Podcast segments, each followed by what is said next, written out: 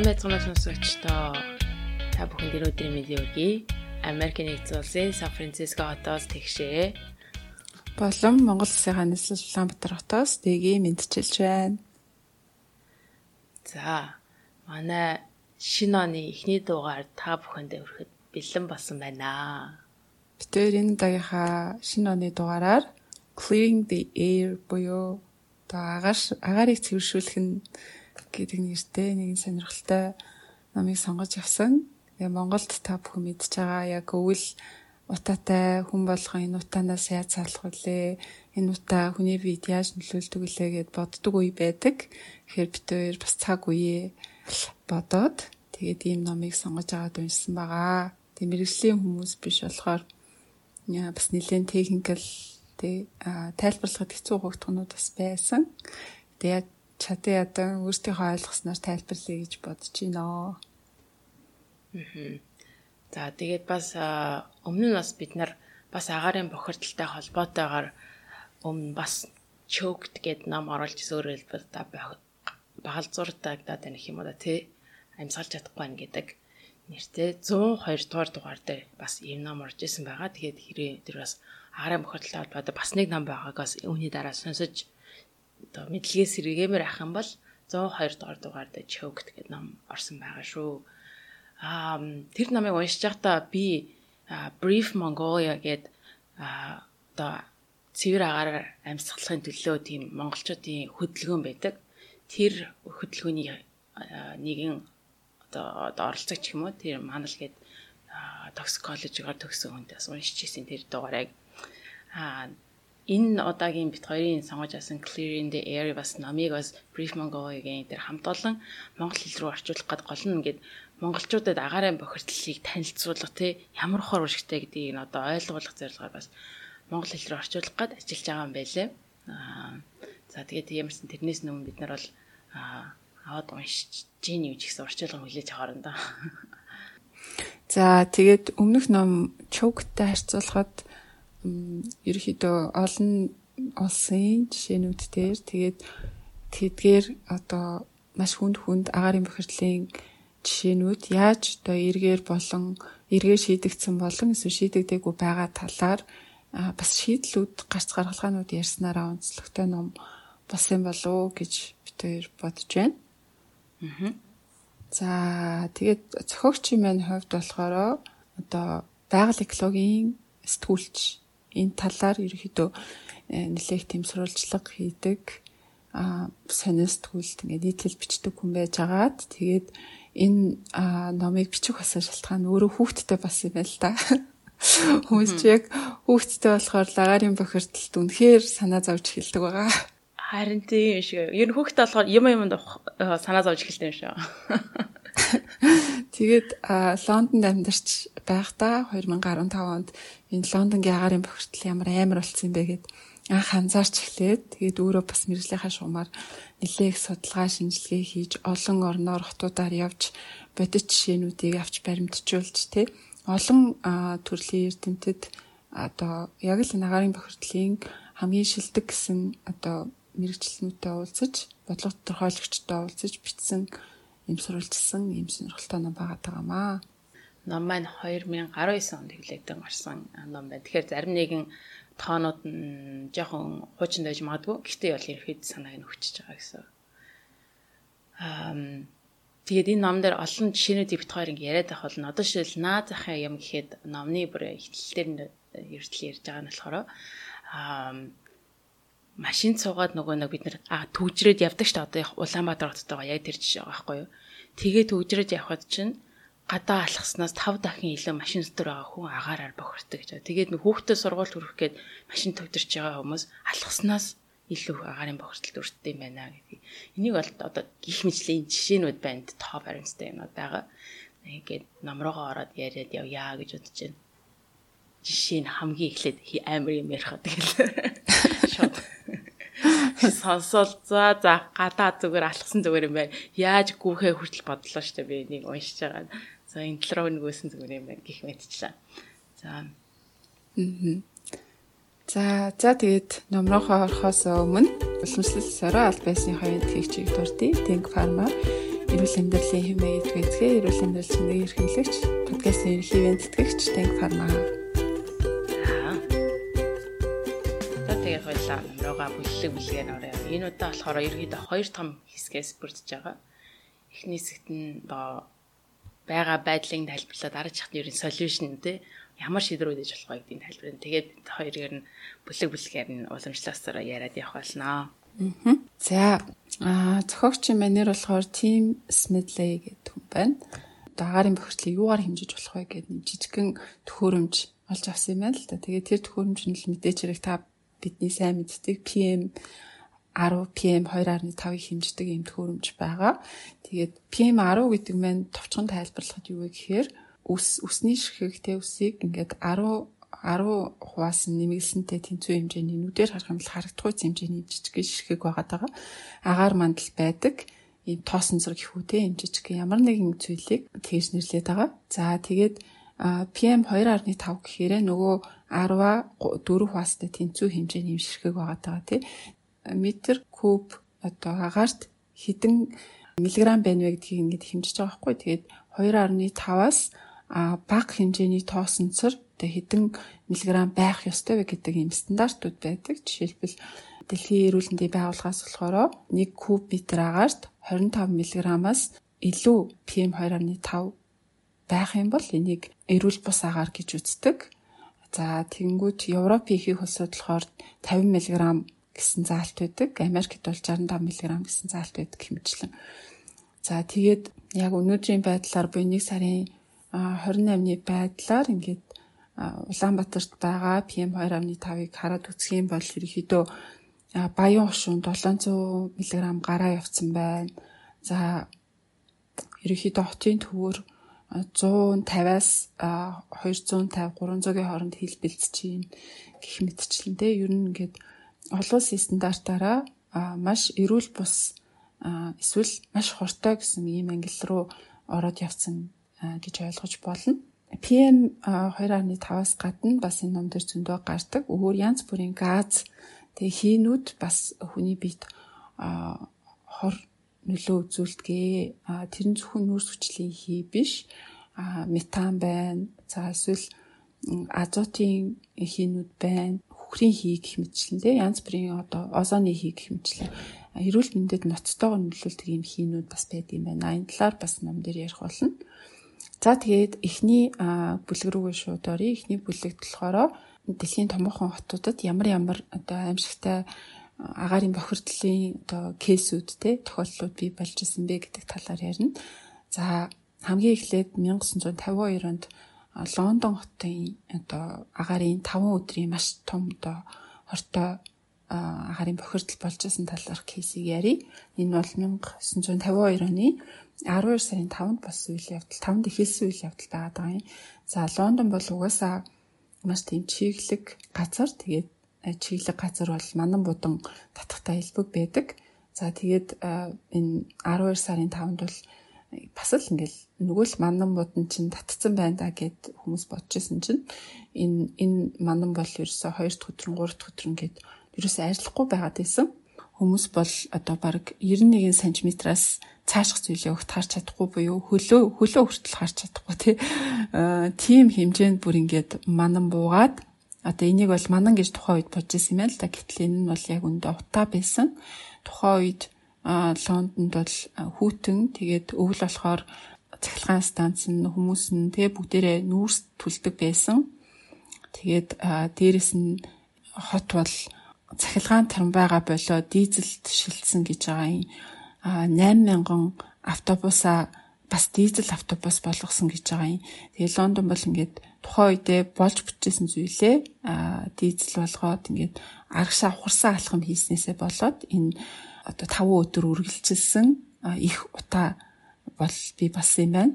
За тэгээд энэ үеэр болохоор 4703 хүн нас барсан а жирийн өвөл бол Лондонд 1000 гаруй хүн нас барт юм байна. Гэтэл энэ зөвхөн энэ утаанаас болоод одоо 3000 гаруй хүн бол нас барсан гэж үздэг юм байна. Энд нь дэлхийн 2 дугаар дайнд Лондон германчуудад бөмбөгдүүлжсэн үеийнхээс ямар ч 5 өдрийг бодоод авч үзсэн гэсэн тэр бөмбөгдөлтөөс илүү олон хүн өгсөн ийм аимшигтай агаарын бохирдол байсан юм байна.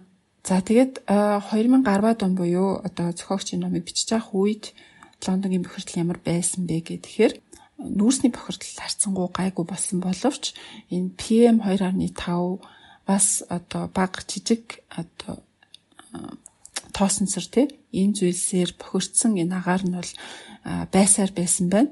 Машин техникийн хөдөлгүүрийн сайжрах тусмаа энэ машины хөдөлгүүрээс гарч байгаа энэ PM-ийн ширхэг нь улам нарийс тийм энэ улам одоо хүний биед ороод цуснд одоо уушгины ханаар ингээд шууд нэвчээ цуснд нэвчих боломжтой ийм бүр хортой хэмжээнд хүрдэг юм байна л да. За тэгээд тийм болцсон байна гэж үзсэн байна. Жилдээ 40 мянган одоо агаарын бохидлоос болсон дутууд хүрэлт байдгаас зөвхөн 10 мянган бол Лондонгийн агаарын бохирдолтой холбоотой одоо ургийн дутууд хүрэлт байдаг гэж үздэг юм байна. Одоо Лондонд хамгийн одоо эрүүл хэв маягаар амьдарч байгаа хүн жишээлбэл яаж амьдрах вэ гэж нэгэн 32 настай дугуйчин байсан. Бүр багасаа эхлээл дугуй ундаг те. Тэгээд Лондонгийн мэдээж хэрэг машины замын хажуугаар л дугуй унж байгаа штэ. Тэгээд энээсээ болоод нэг өдрөл 32 наснда ингээд үл мэддэгдэх тийм өвчнөр өвдөөд ингээд халуураад нүдэн захтнаад тэгээ оншин тогтоогдохгүй явж иж байгаа тэмдэгтэр өчсөн чинь аа за энэ л та эм чин шууд ингээд баахан шинжилгээ хийж ижсэн агаарын бохирдлоос болсон одоо таны хортолтой наа гэж хэлсэн байгаа юм. Тэр хүнтэй хичнээн эрүүл мэндэд анхаардаг, тасгал хөдөлгөөн хийдэг тийм хүн байлаа гэд зөвхөн агаарын бохирдол гэдэг зүйлээс болоод хүнд өвчин тусч болдог гэдгийг бол энэ чинээс харуулж байгаа юм л да. За тэгээд 2017 онд нэгдсэн үндэсний байгууллагын хүний эрхийн комиссоос нэг 22 хуудас репорт гаргаж ирсэн. Энэ бол Лондонгийн одоо Английн агаарын бохирдол маш хэцүү хэмжээнд хүрсэн байна. Тэгээд энэ агаарын бохирдлоос үүсэж байгаа эрүүл мэндтэй энэ улс бол ингээд 18.6 тэрбум а евро төлж байна. Маш их тийм агаарын бохирдол чи өөрөө асар их зардалтай зүйл улс орны эдийн засгийн нөлөөлөх хэмжээний хор хохиролтой зүйл болцсон байна гэж бүр зөвлөмж гаргаж ирсэн юм байна. За тэгээд дараагийн нэг жишээ болохоор Бээжингийн жишээ байна. Бээжинг хэдхэн жилийн өмнө бол агаарын бохирдлоороо дэлхийд алдартай байсан. За 2004 онд тийм нэгэн сэтгүүлч нэг охиноос асуусан юм байна л да чи ингээд од харж байсан уу Тэгсэн нөгөө охин нь үгүй харж байгаагүй. За тэгвэл чи цэнхэр тэнгэр харж байсан үс чинь м жоохон л цэнхэрдүү тэнгэр харж байсан. Цагаан уул харсан үс чинь харж байгаагүй гэд тэгж хариулжсэн юм байна. 2000 одоо 9 он хүртэлтэй олимп өнгөрөн өнгөртөл ер нь бол хитэн засгийн газар одоо улс орныгоо агаарын бохирдолтой байна гэдгийг хүлээн зөвшөөрдөггүй ард иргэдээ энэ талаарх мэдээллийг өгдөггүй тэрнээс болоод ард иргэд нь агаарын бохирдол гэж огт мэддэггүй байсан юм байна а энэ бол зүгээр ингээд утаа манан тий манан байна л гэж боддог байсан юм байна.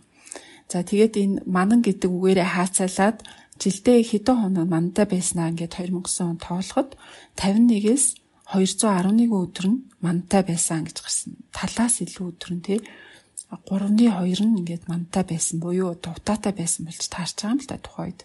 2008 онд Бээжинд Америкийн элчин ер нь бол энэ утаа хэрэг сэтэрлээ гээд дээвэр дээрээ PM 2.5-ийн хэмжигч суйрлуулсан. Тэнгүүтээ тэрийгэ автоматар цаг болгон ингээ Twitter дээр үр дүнг нь датаг нэг репортлдог болсон юм байна л да. За тэгсэн чинь тэрийг нь Бээжингийн эрх баригчид энэ л ингээ олон улсын дипломатын харилцааг зөрчлөө ингэж дураараа манай мэдээллийг тавьж болохгүй нэга буулга энэ төр гэдэг чижсэн. Гэтэл бол Америкийн элчин бид нар одоо өөрийнхөө улсын иргэдэд Бээжинд амьдарч байгаа иргэдэд одоо эрүүл мэндийг мэндийг нь хамгаалахын тулд мэдээлэл өгч байгаа маа гэж ингэж тайлбарлаад үргэлжлүүлсээр ирсэн байна. За 2010 онд IP гэд Бээжинд байрладаг бас яг ийм агаарын бохирдолтой холбоотой сайн дурын үйл ажиллагаа явуулдаг төрийн бас байгууллага байгуулагдаад Бээжингийн усны бохирдол агаарын бохирдлыг олон нийтэд нийтэлж хэлсэн юм байна одоо PM 2.5 нь 200 мг-аас дээш байх юм бол маш эрүүл бус. За 400 мг-аас дээш байвал хортой хазар тус тий. За 500 мг-аас дээш байвал энэ бараг л байх боломжгүй дээ. Гэхдээ энэ бол crazy bad биш. Үнэхээр муу гэсэн тийм англи руу орд юм байна. Гэтэл тэр үнэхээр муу бараг боломжгүй гэсэн зүйл нь 2010 оны 11 сарын 18-нд бий болж тэ 503 мг анх удаа хэмжигдсэн байна. Тэрний дараа 2013 оны 1 сарын 12-нд өдрийн цайны цагаар гинтхэн ингээд нар хитж байгаа юм шиг харах болсон. За тэгээ PM 2.5-ыг хэмжсэн чинь 800 мг бүр тийм амар тий. Тэгээд 800 мг болоод зүгээр л ингээд өдрийн цагаар тий нар буугаагүй хахад хав харах болсон. Агарын бохирдлоос болоод тэгээд энийг болохоор олон улс болон одоо ихтэн засгийн газар өөрөө бас цочирдож хүлээж авсан Бээжин дэх олон улсын сургууль одоо экспатуудын хүүхдүүдийг сургадаг тий хамаг баячуудын хүүхдүүдийг сургадаг тэр сургууль нь гадаа гадаах талбай ныхаа дээгүр маш том тийм дээвэр дээвэр бүтээсэн. Энэнгээрээ нөгөө хүүхдүүдээ гадаа тоглуулна, цэвэр агаарт тоглуулна. Тэрний тулд ингээд дээвэржүүлж байгаа маа гэж тайлбарлажсэн байна. За тэгээд 2015 оны хүртэл 30 жилд хятадын хүн амын уушгины хор тавдраар өвчлөг хөвчлөн 5 дахин нэмэгдсэн. 465 хувиар нэмэгдсэн гэж үздэг юм байна. За тэгээд 2015 оноос Бээжингийн маратонд 6 хүн зүрхийн агарын бохирдлоос болоод зүрхний шигдээс болж исэн юм байна. Аимшигтай гоц. Тэгэхээр яг энэ агарын бохирдлоос болоод хүмүүс нь дундаж нэг хүн нь штэ тий өдөрт 25 тамхи татсантай тэнцүү хэмжээний ийм утаа үнэрлж амьсгалж амьдарчсэн байна. За Бээжин бол ийм амар хэцүү байсан байна. За үргэлжлүүлээд 2017 онд Дели ямар байсан талаар ярив. 2017 оны 11 сард Делид Бэлгийн одоо хаан хатан хоёр айлчсан байна л да. За тэгээд Дели бол одоо Бээжингээс өндөр агарын бохирдолтой. За тухайн үед PM 2.5 нь 986 мг болсон байсан. Тэгээд дараагийн өдөр нь болохоор 1486 мг болсон гэж байна. Тэгээ энэ нь бол ингээд түүхэнд бичигдэх хамгийн өндөр одоо PM 2.5 байсан гэж байна. За тэгээд энэ төрийн айлчлалын үед ингээд зураг авах гэхээр маш ойроос авахгүй болохгүй.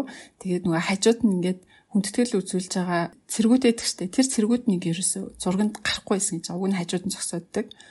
Утаанаас болоод ингээ харагдахгүй байсан. Тийм хэмжээний утаатай байсан. За дээлигийн утааны хувьд болохоор их үүсвэр нь машинууд, машины одоо маш их хаврт утаанууд, дээрэс нь барилга байшин, замын тооснууд А за тариаланчд нь бас аюу их тийм хогоо шатаад юм байна л да. Бас Дивали гээд өвөл болдог баярын үеэр одоо бүр ингээд энэ тентгүү баг айл болгон уддаг тий газраас ингээд солиуд буудаад идэг. Тэрнээс нь бол маш мута тоосонзор ялгардаг юм байна. За тэгээд дээлэд 2017 он цохогч маань очсон. Тэгэхэд бол ингээд 300 мг өөрийнх нь багч нь бол 300 мг гэж хэмжижсэн. Тэгэл нүүд чинь маска зүгэл ямар амар утаатай байна гэж бодоод очисон чинь хүлээж авсан хүн нь түр чин 7 хоногт нэлээ утаатай байсан. 7 хоногт юусэн утаагүй байна. Түр чин 7 хоногт 1000 гараад явчихсан. Та харин өстой сайхан үеэр ирлээ шүү гэж хэлсэн байгаа. А 10 онд одоо дээлээд 6 сая машин явж исэн бол 2017 онд 10 сая машин гээд хэдхэн жилийн дотор сая саяар нь өссөн юм. Өдөрт 350 орчим машин нэмэгд ихээр нэмэгдэж байгаа. Тэрнээс болоод агарын бохирдол нэмэгдээд байгаа. За тэгээд дээлигийн нийт агарын бохирдлын 70%-ийг нь ер нь бол машинаас гарч байгаа тоос утаа эзэлдэг гэж бас үзсэн байна. 2016 оны байдлаар одоо дээлидэх нийт өвчлөлийн эхний 5 нь тэг хамгийн их өвчлөж байгаа 5 өвчин нь ямар нэгэн байдлаар Ямсгалын замын өвчин эсвэл зүрхний өвчин. Энэ зүрхний өвчин тэр тусмаа агарын бохирдолтой холбоотой юм өвчнүүд байгаа нь тогтоогдсон байна. За тэгээд э, дээлэд сууж байгаа одоо элчин сайдууд бол хүүхдүүдээ гэр бүлээ авчирдаггүй гэж байна. Аа уусаа агарын бохирдлын контролоосоо гарцсан тийм байдалтай байсан гэж. За энэ бол 2017 оны байдал байгаа. За үргэлжлүүлээд Лос Анжелесын бас агарын бохирдол алдартай юм байна. А ялангуяа 1900-аад оны эхний хагаст те энийг бол яг ийм хими хортой хот гэж үздэг байсан байна. Төмрийн үйлдвэрүүд, хими бодис үйлдвэрлэлт үйлдвэрүүд те эдгээрээс болоод эдгээрийн ялгаруулж байгаа автанаас болоод Лос Анжелесын агаар бол ингээд бүр амтагддаг нүдэнд шараар үзэгдэх байтугай бүр ингээд амтагддаг тийм агаар болцсон байсан гэж байгаа. 2012-оос 14 оны орчим ямар хөө байсан бэ гэхээр харцсангу одоо энэ химийн үйлдвэрээс гарч байгаа бохирдол нь сайжирсан одоо багассан а гэхдээ машинаас гарч байгаа тэгээд вагоноос томоохон хөлөг онгоцнууд усан онгоцноос ялгарч байгаа хий бол байсаар байгаа гэж байгаа юм. За тэгээ Лос Анжелесийн хувьд бол озоны хорт хий давмгаалдаг тэрнээсээ маш их хортдог ийм хот гинэ. 12-оос 14 оны байдлаар штэ. Одоо Азаас те Америк руу ачигдж байгаа бүх ага одоо ачаа тээврийн усан тээврийн тал нь бол элегээр Лос Анжелесаар дамждаг. Тэгэхээр усан онгоц бол маш их бензин тэр тусмаа бензиний үлдэгдэл муу тосыг ихшүүлж тааж хөдөлдөг. Тэгээд энэ бомб хотынх нь агаар бол маш их үнээс олж бохирддог ийм нөхцөл байдалтай байдгаа гэж бас бичсэн байна. Тэгээд ерөөхдөө нийтдээ Америк эдгэр чигээр наваад үзэх юм бол 10 хүн тутмын дөрөв нь тодорхой хэмжээнд эрүүл бус агаараар амьсгалж байсан гэж яг 2009-оос 11 оны датагаар л ингэж үзсэн байна зөвхөч мөн. За тэгээ хамгийн сүүлд нь болохоро Парисын жишээг бас энэ бүлэгт авчин л та. Парисын хувьд болохоро яг Улаанбаатар шиг юм уулнуудын дунд оршдог. А салхи бас маш багатай байдаг. Тэгээд энээсээ болоод машины утааны бохирдол тогтохдоо амархан энд болохоор 2016 оны 12 сарын бохирдлыг ярьж байна л да. 12 сард 11 сард ямар байсан бэ гэхээр ерөнхийдөө PM 2.5 нь 195 мг. За Монголтай харьцуулбал Улаанбаатартай харьцуулахад бас нэг амар өндөр биш юм шиг мөртлөө азотын давхар эсэл гэдэг хийн болохоор маш их байсан байна. Парист бол янз бүрийн агаарын бохирдлын судалгаанууд явуулахад бол ямар үр дүн гарсан бэ гэхээр хүний амьдралын насжилтыг тооцоод үзэхээр 30 нас тутмын 15 сар нь агаарын бохирдлоос болоод ингээд үрэгдэж байна. Агаарын бохирдлоос болоод хүний нас богиносж байна гэж үзсэн байна. Тэгэхээр 30 нас наслах байсан бол одоо бараг нэг жил 3 сараа гэд алдсан гэсэн үг. 60 нас наслах байсан бол 2 жил 6 сар алдсан гэсэн үг шүү дээ. Тэгэж бол Парис дахь агаарын бохирдлоос судалгаа хийж гаргаж ирсэн юм байна. За тэгээд ерөнхийдөө дэлхийд дахиндаа нийтээр нь аваад үзэх юм бол 4.2 сая хүн зөвхөн энэ агаарын бохирдлоос болоод нас ордгаа. Тэгээд энэ бүх бүх тоог нь ингээд харьцуулаад үзэхээр доох бэлгийн замын өвчин, сүрье, машины ослоор өгсөн хүмүүсийг бүгдийг нийлүүлснээс ч их хэмжээний одоо үхэл бол агаарын бохирдлоос болж бий болтгоо гэж энэ бүлгийн төсгөлд бас дурдсан байна. За тэгээд үргэлжлүүлээд хоёр бүлэгт нь энэ хорт хийнүүдийг бас тэр PM2.5-ыг товчхон одоо дурдсан байгаа. Би энийг аль болох ойлгомжтойгоор товчлоод бацаа тайлбарлая. За ер нь бол агаар мандал ямар үед хамгийн цэвэр одоо хүний биед эрүүл байдаг вэ гэхээр 78% нь азот тэгээд 20% орчим нүүрс хүчил иймэрхүү байхдаа ер нь л тэнцвэртэй байт юм байна л да. За тэгэнгүүт одоо ямар гадны битүүд гадны одоо хортой гарууд орж ирээдэг вэ гэхээр азотын э, давхар эсэл машины утаанаас гарч ирдэг. За мөн аммиак гэж бас байна. Аммиак болон сая азотын давхар эсэл хоёр хоорондоо нийлэхээрээ ийм тундас үүсгээд а тэр нь ингээд уушгинд орохороо хортой нүд захтнуулдаг За тэгээд экосистем ч гэсэн хортой. За бас озоны хийг энд дурдсан байна. Озоны хий яаж бий болдгоо гэхээр саяын азотын давхар эсвэл болон дэгдэмхий органик нийлэмлэл нийлмэлийн байцууд нийлчээрээ одоо ялангуяа нартай газар те Лос Анжелесийн нартай газар одоо машин тэрэгнээс нь азотын хийн ялгараал тэгээд энэ дэгдэмхий органик хий гэдэг нь болохоор илүү модноос ялгарч юм байна л да. Гэт модноос уусаа байгалийн жамаараа ялгарсан байгаа энэ зүйлс нэгтгэрээ озоны хий болдог. Тэгээд озоны хий нь бол хүнд одоо амьсгалын замын өвчин үүсгэх, бактериа үүсгэх тийм маш хортой юм хий. За тэгээд озоны хий гэхээр бид нөгөө агаар мандлын дээгүүр бидрийг ингээд нарнаас нарны хорт янаас хамгаалдаг юм хий гэж боддог тий. Тэр нь бол мэдээж байдаг. Агаар мандлын 91% нь тэр дээдлэлт байдаг одоо озоны давхраг байдаг. Озоны давхраг бол тэр дээр байхдаа бол биднэрт тустай аа харин бидний амьсгалах агаар дотор ороод ирэхээрээ хортой байт юм. Одоогийн байдлаар нийт тэр озоны хийний 9% нь бидний амьсгалах одоо агаарын хэсэгт тэ ойрхон байгаад газар дээр байгаад байгаа гэсэн үг. За тэр нь бас хортой байт юм байна. За тэгээд эдгээр хийнүүд нь ерөнхийдөө маш тийм тогтмол чанартай их усүрээсээ нэг хол яваад байдгүй. Одоо машин замын утаа хаана байна? Тэнд маш хортой байгаа бол машин замаас холдоод явхаараа аюу хурдан одоо цэвэрхэн агаартай золгох боломжтой. Тухайн их усүрээ сайжруулад одоо тухайн хот тухайн гудамж агаараа цэвэршүүлэхдээ анхаарчих юм бол ерөнхийдөө агаарын бохирдлоос салах боломжтой юм. 3 дугаар бүлэгт бас PM2.5-ыг товчхон тайлбарсан байна. PM2.5 бол саяын яриад байгаа олон төрлийн газнуудаас илүү үхэл авчирдаг нийтдээ одоо энэ 2012 онд 40 гаруй улсад ингээд судалгаа хийгээд үзэхэд 432 мянган үхэл бол зөвхөн энэ PM2.5-аас болж бий болсон бол сайн яриад байгаа азотын давхар эсэл бол ерөөсөө 75 мянга, озоны хий бол 17 мянга хэмжлэн PM2.5 бол бүр ерөөсөө арцуулшгүй өндөр одоо үхлийг авчирдаг тий арцуулшгүй өндөр одоо хор нөлөөтэй ийм зүйл байгаа тань л да. За тэгээд бид нар нөгөө шүүлтүр хэрэгэлдэг гэж яриад байдаг тийм ингээд агаар шүүгч ашигладаг гэд. Тэгэнгүүт аимшигтай зүйл нь гэвэл одоо машин техник хөгжих тусмаа PM2.5-ыг чинь ширхэг нарийсж байгаа. Шүүлтүр нөлөөлөхгүй хэмжээнд ингээд бүр нарийсж байгаа. Саяхан яриад байгаа газнууд чинь тэг хийн хорт хийнүүд чинь хоорондоо нийлэхээр хурд тундас болдог ч юм уу эсвэл буцаад ийм PM2.5-ын жижиг үрцэс одоо тоосон зур болох магадaltaй байдаг. Аа тэгэхээр ингээд шүүлтүүр бол бүх зүйлд ажилтгүй юм аа. Агаар цэвэршүүлэх шүүлтүүр аваад л ингээд асуудал шийдэгчгүй. Илүүтэйгээр PM2.5-ыг үйлдвэрлээд байгаа их усүрийг нь бид байхгүй болох ёстой гэдэг энэ зүйлийг бол хэлээд байгаа юм. За тэгээд энэ зүйл дээр бас нэг сонирхолтой тий бидний мэдхгүй мэдэж авах хэрэгтэй зүйл болохоор 100 хаад байгаа. За 100 бол тий ингээд зөвхөн нүүрс түлхээрэл хортой байдаггүй а мод түлдэг цуугч гэсэн хортой байдаг.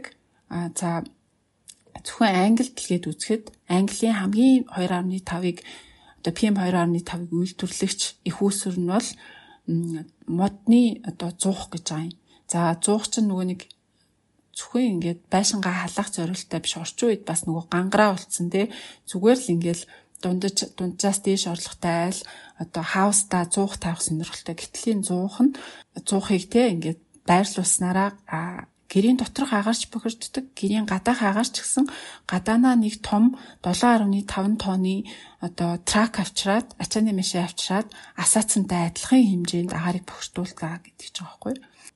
Агаарын чанарын одоо мэрэгчлэнүүдийн цугларсан том конференц болчихсон юм л да цааны баазад маш гадаа нь бүр маш цэвэр агаартай тий ийм цааны бааз байсан. Тэгээд дотор нь ингээд хүмүүс цуухны хажууд гал түлээд ингээ байжсэн. Тэгээд нэг мэрэгчлэлт нь ингээд агаар хэмжигчээ үтцсэн чинь үтсэн чинь бүр 400 мг PM2.5 400 мг болсон юм. Тэгээ гайхаад миний төхөөрөмж эвдэрчээгүй байгаа даа гэд тэр байшингаас гарсан чинь 2 мг. Угаасаа маш цэвэр агаартай газар байсан байхгүй. Тэгэхээр 100 гэдэг бол ямар ч тохиолдолд цэвэрхэн биш ээ. За утаагүй 100 гэж ярьдаг тий утаагүй түлш гэж бас ярьдаг. Энэ зүйл чинь худлаа утаагүй ямар ч түлш хийж байдаггүй. Зүгээр PM2.5 нь илүү нарийссан. А тэгээд азотын хий илүү ялгардаг. Нүдэнд үзэгдэхэ болцсон л байна гэсэн үг. Энэ нь илүү хортой. Саяхан бас би нэг сонсчихсан Улаанбаатарт Цукубагийн их сургуулийн нэг судалгаа явагдсан гэд. Тэгээд нөгөө утаагүй утаагүй түлшийг ингээд хэрэгжүүлсэн 2 жил түүнээс өмнөх 2 жилийг харьцуулахад өвчлөл хитгэлээ 4 билүү 5 дахин нэмэгдсэн одоо амьслын замын өвчин нэмэгдсэн гэдэг ч байгаа байхгүй. Тэгэхээр утаагүй зуух гэдэг бол үлгэрээ. А тэр чинь илүү одоо хортой байгаа зүгээр л таны нүдэнд үзэгдэж байгаа утаагч юм байхгүй болгоцсон. Тэрнээс одоо хойдол нь хортой утаа байгаа PM2.5 нь улам нарийнсан байгаа гэж тайлбарсан байна. За За бид нар ингээд одоо ямар байдалтай байгаа тий орчин үед ер нь агарын бохирдол ямар байдалтай байгааг ярьчлаа. Дараагийн бүлэгт бол энэ ер нь ингээд агарын бохирдлогд чинь хизэнээс эхэлсэн юм бэ? Энэ шин зүйл юм уу? Эсвэл одоо хуучин дээр үдч гисэн тий хэдэн мянган жилийн өмнө ч гэсэн байсар ирсэн юм гэдгийг нь бол жоохон археологийн талаас нь археологи судлаачтай уулзаж энийг сурвалжсан энэ зүйлийг бас бичсэн байгаа. За тэгээд археологийн одоо зүйлээс ингээд байгаа баримтуудаас ингээд харахад мэдээж одоо галыг бол хүмүүс эртээрээс хэрэгжилж ихсэн те хэдэн мянган жилийн өмнөөс хэрэгжилж ихсэн. За тэгвэл яг галыг байн хэрэгжилж ирсэн хизээвэ гэд бас харж байгаа юм л да. Хүмүүс ингээд ер нь гал хэрэглээд гэвгэнд нэг ингээд нээлт гарсан юм шиг те. Тэгээд ингээд гал хэрэглэнгүүд галыг хэрэгж эхлэнгүүд аа ёстой гоё юм байна гэд дандаа байн гал хэрэгэлдэг болсон юм шиг ер нь бид нэр тиймэрхүү түүхийн талаас нь харахаар тийм ойлголттой байдаг шүү дээ тий. Гэтэл бол яг ингээд сайн ингээд зөвхөн гал гэдэг талаас нь ямиг шатаах гэдэг талаас нь ингээд хараад ингээд зөвхөн судлаа археологийн талаас судлаад үзэх юм бол а 12 мянган жилийн өмнө ч гэсэн ингээд гал ингээд байсан боловч тэрний хүмүүс ингээд за байнга хэрэглэдэг байсан те заримдаа хэрэглээ заримдаа болоод ингээд нутаг нутгаас нь хамаараад одоо Европын хойд згэр хэрэглэж явах юм бол урд згэр хэрэглэхгүй ч гэдэм үү. Тэгэхээр ерөөдөө гівгэнд галтаа болоод хүмүүс ингээд гівгэнд чансан байх хэдэд гівгэнд маргааш нь ингээд ухаан орсон юм шиг тиймэрхүү зүйл биш. Харин ингээд алдаг оног алдаг оног зарим нөхцөлд бол гал гал хэрэгэл хэрэглэх хэрэггүй байсан. Тийм учраас ширгэлдэг байсан. Гих мэтлэн археологийн талаас нь харах юм бол тийм их усрд байд юм байна. За хизээ гэр нэхрэтэ тийм галыг байн хэрэгжилж аа ихэлсэн бэ гэхээр энэ 300 мянган жилийн өмнө гэр нь Израильд байсан тийм нэг юм агуу байгаа юм л да. Тэндээс харахад тэр бол ингээд агуу дотроо байн гал асаах зориулттай 4 м одоо 4 м квадрат тавьцаа тийм галын зүйл гарч ирсэн. За тэгээд тэндээс бас ингээд хүмүүсийн цогцос одоо олдож исэн юм байна. Тэ түүхэн алдар гэсэн. За тэгээд тэрийг нь ингээд судлаад үзэхээр тэнцээ хамгийн анхны археологийн хувьд хүмүүсийн мэдж байгаагаар тийм агаарын бохирдолд өртсөн хүмүүсийн одоо яснуудыг энэчнээс олж цуглуулсан байна. За тэг үүнийг нь яаж тогтоож мэдсэн бэ гэхээр ерөөдөө хүмүүс агаарын бохирдолд өртөөд ирэхээрээ байглаасаа ингээд бидний одоо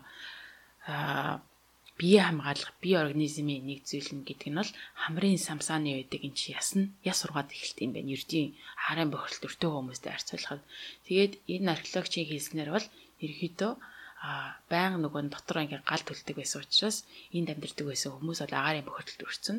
Тэгэд хамрын дээр самсааны ясна угаас ингээ ердийн хүмүүстэй гадаа амьдарч байсан хүмүүстэй харьцуулахад хамаагүй өндөр болсон байсан. За эндээс бол анх ингэж хэлж байгаа юм. За тэгээд үүнээс гадна маш олон төрлийн бас эмгэгүүд энэ хүмүүс эмгэгтэй байсныг бол бас энэ агуу дотор амьдарч байсан хүмүүс эмгэгтэй байсан юм байна гэдгийг нь бол бас археологийн талаас нь мэдж байгаа юм. Тэгэхээр энэ ойролцоогоор энэ хавцаа ер хүмүүс ингээд галтай л ойрхон амьдрахаараа агарын бохирдол өрдөж ирсэн юм. Өөрөөр хэлбэл гал байна гэдэг чинь ямар нэг зүйлийг шатааж байгаа. Ямар нэг байдлаар шатж гинэ гэдэг чинь төвөндөө хэлсэнчлэн нөгөө нэг удаагүй зовх гэж байхгүй гэж хэлсэн шүү дээ. Ямар нэгэн зүйл шатаж байна гэдэг чинь агарын бохирдол байна л гэсэн үг. Гэдгийг л эндээс харуулж байгаа гэсэн. За тэгээд цаашлаа зөвшөж жоохон түүхийг найшлуулад харах юм бол манай эртний өмнөх одоо 61 онд нэгэн түүхэн хүн те Ромд Ром Ромд ингээд очичод а тэмдэглэл дээр бичсэн байсан юм байна л да. Энэ бол Ромын одоо бүх газраас нь хутаа өнөрсөж чинь би баг арай гэж н хотоос гармаар санагдлаа тий. А миний бүр хамаг бие организмыг тэр чигээр өөрчилсөн юм шиг санагдлаа гэж өөрөө тэмдэглэл дээр бичижсэнийг бол гаргаж ирсэн юм байна. За тэгээд мөн одоо тухайн үеийн мөм эдрийг судалж үзэхээр мөн агаарын бохирдолтой байсныг нь бол тэндээс олж хэлж мэднэ гэж байна. За тэгээ тухайд бол ерөөдөө модыг хөвчлэн эсвэл био төлшийг хөвчлэн бэлдэг байсан. Био гэдэг нь одоо үхрийн аргал тий, малын аргал гэсэн үг шүү дээ тий. Төлдөг байсан. Аа за тэгээ дүүнээс наашлаад хөвшөө 1000 одоо манай эртний өмнөх 1000 манай эртний өмнөх онлог ороод эхлэхээр нүүрс гэдэг зүйлийг бид нар ухаж гаргаж ирж тийм сурсан юм байна. За тэгээ түүнээсээ болоод ер нь хамгийн их агарын бохирдлыг тухайн үедээ бичижсэн дурддажсэн бас хотынхаа нэг зүйлийг харахаар эцдийн сүүн осын нийслэлсэн Кайфен гэдэг хотод бол нүүрсийг маш их хэмжээгээр шатааж агаарын бохирдлоос энэ чи бичигдчихсэнийг нь бол харагдаж байгаамаа. За модноос илүү нүүрс бол маш их хэмжээний агаарын бохирдлыг гаргадаг тий гэдгийг нь бол эндээс харж байна. За тэгээд Хятадаас наашлаад Европт бас маш их агаарын бохирдлоос 1200 1300-аад оны үед бичижсэн. А гэхдээ яг хар өхлийн одоо плактед чинь хар өхлийн тэр учирснаас болоод нөгөө нүрсийг уурхаагаас гаргаж авах хүмүүс цөөрсөн. Тэгээ тэгэнгүүт буцаагаад мод нь хямдхан болж ирсэн. За тэгээ буцаад мод шатааж ирсэн. За тэгээд хүмүүсийн байдал нь одоо нүүрсийг гаргаж авах хямдхан болонгод буцаад нүүрс рүү гарсан. Кем мэтлийг ингэж солигдож явж ирсэн. Ийм зүйлүүд бас яг бичиг түүхэн дурдгдсан байт юм байна. За тэгээд а хятад анхтай нүүрсүүд ингэж шатааж эхэлж байгаад Европт бас нэлээ их нүүрсийг шатаах болсон.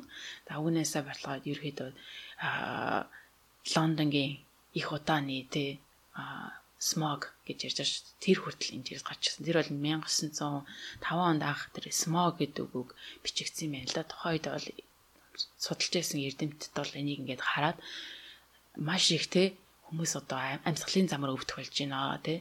Энэ бол өөрөлд смог, утаа, тэ фог а манан хоёрын нийлсэн зүйл ингээд гараад байна. Тэгээ смог гэдэг нэр томьёо анх энд 1905 онд гарч ирсэн юм байна. За цаашлаад ингээд өмнөд Америкт хүртэл Инка тий хотод хүртэл Инкагийн empire гэж байгаа байдаг шүү дээ тий. Тэнд хүртэл 1000 одоо манай эртний 1800-аад оны хүртэл бас маш их агаарын бохирдол байгаа нь бол байсан. Тухайд бол ерөөдөө нөгөө нэг том үйлдвэрүүдээс эхэлж одоо металлыг боловсруулах боловсруулж байгаа тий алт ч гэм үү мөн түүнээс гарсан хар тоглооны үйлдэгдэл цайрын үлдээдэл гэх мэтчсэн зүйл бол маш их бохирдлыг авч ирдэг байсныг археологийн үднээс бас харж эхэлж байгаамаа. За тэгээд Америкийн нэгдсэн улсад бас нэг тохиолдол тохиолдож байсан болохоор тухайн үед болохоор ерөөс ингэж аа 2 3 өдөр энэ хүү одоо Пенсильвани мужид үдэ жижигхэн Донора гэдэг хотод болж исэн. Тухайн хот нь болохоор цайр боловсруулах том үйлдвэртэй. Тэгээд нэг 1948 оны 10 сард энэ зүйл нь болсон. Тэгээд ерөөсөө л ингээд хагас бодисоноор болоод өнгөрсөн боловч тэр хагас бодисоноор 20 хүн зөвхөн агарын бохирдлоос олж нас орсон. За тэгээд 7000 хүн зөвхөн тэр 2 3 өдрийн дотор агарын бохирдол бүр амар өндөрөөс учраас эмнэлэг тохирогдоод дараа нь тэр тэдрээс 50 хүн нас орсон. Ерөөсөө жижигхэн хот байхад ийм том өрнөлөөж үзчихсний бас ингэж гаргаж байсан ба. За тэгээд эндээс юу гэж хэлэх гээд байна вэ гэхээр ямар нэгэн зүйлийг шатааж л явах гэдэг агарын гэдэг юм байна. Энэ бол шин зүйл биш. Гэхдээ ингэж шат хинтрүүний дэгийг дурдж ясантай дурдж яснаар одоо ингээд фильтр тий тэрийг шүүхэн нь арисаад улам технологи ингээд хөгжөөд өргөсөн бидний хай байгаа тэр агарын бохирдол гэдэг чинь улам нарийсад эхэлж улам хамгаалахад хэцүү болж байгаа гэсэн. Ялангуяа том хотууд хот том хот том болох. Тэгээд тэр дотор нь ягтаршил ихсэнгүүд хэрэглэгдэх тэр ямар нэг зүйл шатаахан нэгсээд улам агарын бохирдол хэцүү болдог. Одоо Монголын жишээ шүү дээ тий. Бид нэр улам их хотчод улам их зүйлийг шатааж чинь тэгээд одоо байгаа байдлаа хар гэдэг тийм байна. За дараагийн бүлэг дээр бол ерөнхийдөө дийзл хөдөлгүүр дийзл гэдэг зүйл ямар бас хорн штайг нь харуулж байгаа юм л та. Дийзлийн хувьд гэх юм бол одоо ам дийзлийг одоо ярихаас өмнө дийзлийг одоо яагаад гигвинт гигвинт Европ төртөл те гигвинт ингээд энэ намын зохиолч маань өөрөө Лондон амьдардаг хүн гэж хэлсэн. За тэгээд Лондон бол маш их дизелийн хөдөлгүүртэй машин, автобус нүртэл дизелээр явдаг ийм зүйл байгаа. ийм байдалтай байгаа. Тэгээ түүнээсээ болоод дизелээс бас гач ирэх азотын давхар эсвэл азотод PM 2.5 гих мэтлэн зүйлүүд нь бол ердийн бензинээс илүү шаталтай хөдөлгөөрөөс харьцуулахад хамаагүй их байдаг. За тэгээд нэг мэдсэрэж яагаад Европын холбоо дизелийг одоо ногоон тий цэвэр төрш гээд ингээд явуулч байгаа гэхээр бас энэ жоохон түүхтэй холбоотой байна л да. За тэрний юу басан бэлэр та бүхэн мэдж байгаа 1992 онд Кётогийн протокол гэж би босон тэрний үеэр олон орнууд нийлээд энэ цаг уурын өөрчлөлттэй холбоотойгоор нүрс үйлчлэгийг агаарт байгаа нүрс үйлчлэгийг басгах хэрэгтэй байна. Энийг бол өмнөх төвшнөлөө басгах хэрэгтэй байна. 8 хувиар басгах хэрэгтэй байна. 2013 он гэхэд үнээс басгах хэрэгтэй гэдэг тийм шийдвэрүүдийг олон улсын улс улсууд хоорондоо нэгдээд гаргасан байгаа тий. За тэгээд үүнийх нь нөхөрөнд Европын улсууд юу харсан бэ гэхээр нөөц өршлийнхаа хийг басгах хэрэгтэй юм байна. Гэхдээ тэнцээ боломжтой нь болохоор шин технологи шууд нэвтрүүлэх боломжгүй байсан учраас одоо байгаа бензинээр хөдөлгүүртэй машинуудын хооронд дизелийн хөдөлгүүртэй машинуудыг оруулалт нүүрс зэжлийнхийг багасгах юм байна гэдгийг тооцоо гаргасан. За яг үнэхээр ингэ нүүрс зэжлийнхний багаслаа гэхэд а тухайн үед а эсрэгээрээ тэнд байсан азотын хүчил давхар эсвэл PM2.5 гэсэн PM одоо particulate matter гэж шүү дээ. Тэдний тооцоо нь бол маш их ихсхийг нь мэдсээр ээжэж ерөнхийдөө нөгөө нэг Кyoto протоколынхаа хэлсэн амдаа хүрэхийн тулд дизелийг сайн гэдэг зүйл гаргаж ирсэн. За тэгээ дизель хөдөлгүүртэй машинуудад фильтр тавиад маш сайн гэдэг зүйлээс гарч ирсэн. Мэдсээр вэж энэ шийдвэрүүдээ гаргасан гэж байгаа. Тэгээ 1980-аад онд хүртэл энэ дизель хөдөлгүүр гэдэг дизелийн түвш гэдэг ч юм бол маш хортой зүйл гэдэг тий. А тэгээ түүнээс гадна бүр ингээд хавдар үүсгдэг гэдгийг хүртэл судалгаагаар гаргацсан байсан боловч Европын холбооны юм бол энийг бол а үл ашигаад ерөөхдөө дизелийн хөдөлгөөрийг сайн гэж гаргасан. За тэгээд бодлоготой хүртэл нэвтрүүлж өгсөн гэж байгаа байхгүй юу. Тэр нь юу гэсэн хэлээр дизелийн хөдөлгөөртэй машин худалдаж авах юм бол илүү бага татвар төлнө гэдэг юм уу? А илүү хөнгөлөлт улсаас авна гэдэг тэр зүйлүүдийг энэ нэслээд ерөөдөө мэдсэрвэж нөгөө ер нь Европын холбоолд дизель рүү явсан гэж байна.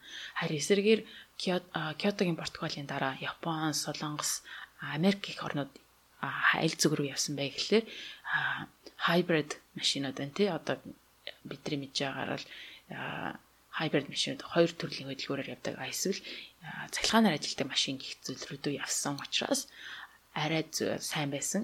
Америк нэгдсэн улсад бол дизель гэдэг зүйл бол октонч байж боломгүй зүйл гэдэг тухай шийдвэрийг гаргаж ирсэн байна.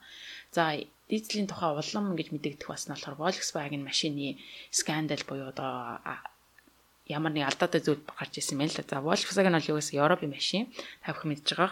За тэгээд нэлээд сайжраад нөгөө дизелийн хөдөлгөөртэй машинаараа аа маш их үйлдвэрлэгдээд явж байсан. За тэгээ сүүл рүү Volkswagen зэ дэлхийд номер 1 машины үйлдвэрлэж болно гэж шийдээд Америкийн нэгдсэн улс руугаас дизелийн хөдөлгөөртэй машинаа зарья гэдэг ингээ оцсон чинь 2013 онд юу гэсэн бэ гэхээр Америк нэгдсэн улс нүүдийг харж үгүй ийм амар машин уусаа авахгүй. Гэтэ э, та бүхний одоо хийж машин бол ерөөсөө агаарын бохирдолтой гэдэг зүйлийг бол хамаагүй давсан байна гэдэг тэр зүйлийг гаргаад ингээ харсан чинь Volkswagen машин бол тухайд Европын холбоонд зарагдахдаа машин зарагдахаас өмнө тодорхой хэмжээний тест хийгддэг тий агарын бохирдол нь ямар байгаа гэдгийг тэр зарагдж байгаа тэр тестийг нь бол хуурамчаар хийжсэн нь бол мэдгдсэн байна. Тэр нь яасан гэхлээр тест хийхдээ ойролцоогоор нэг тэр тестийн өрөөнд дотор машиныг ойролцоогоор 20 минут ингэж явуулдаг. А эсвэл нөгөө нэг яг тестийн өрөөнд дотор байгаа чигээр явдаг тий нөгөө нэг өрүүл нь ерөөс эрэгддэггүй шүү дээ. Тэгмүүд хэрэг тэр үед нь болохоор ерөөсөө тэр бохирдсан хийгээ гаргадаггүй тийм байдлаар системийн зохион байгуулсан. За тэгмүү зөвхөн тесттэй бол ингээд авчиж байгаа. Тэгээд яг амьдрал дээр гараад ирэнгүүт нөгөө бохирд төгссөн азотын давхар сэл PM-үүдээ гаргаад эхэлдэг гэдэг нь бол Америк руу энэ орох үед нь бол мэддэгдээд.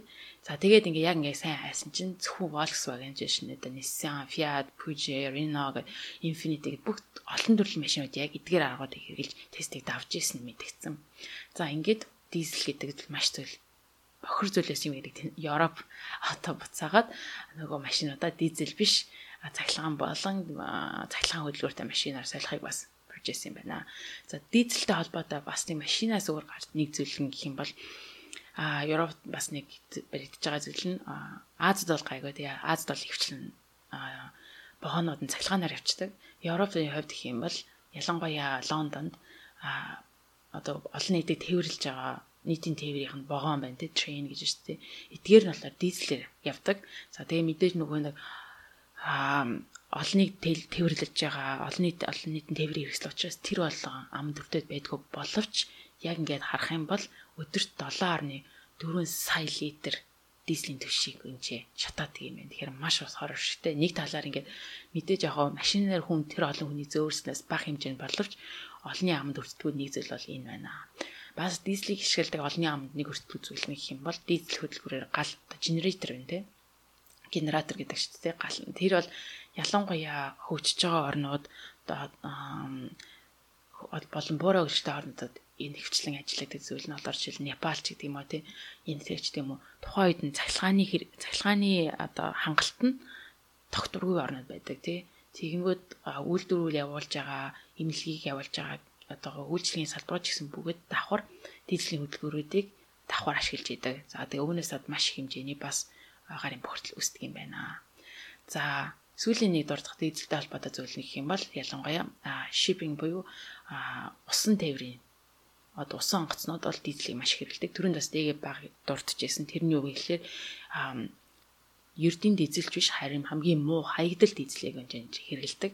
За тэр нь яасан бэ гэхээр бензин үйлдвэрлэгч улсууд бол ингээд бензин үйлдвэрлээд ингээд аваад тэг хамгийн сүүлд нь хаягдал дизелж биш дизелийн бор доош орох тэр муу хамгийн бохирдлогтой зүйлүүдийг нь хямдхнаар баг өнөө шахуу а энэ хүү усан тээврийн одоо том хөлөг онгоцнуудад өгчт юм байна. Тэгэнгүүт үнээсээ болоод маш их хэмжээний азотын хүчил боллоо PM2.5 бусад хортой хинэдэг бодол энэ усан тээврийн зарцуулдаг.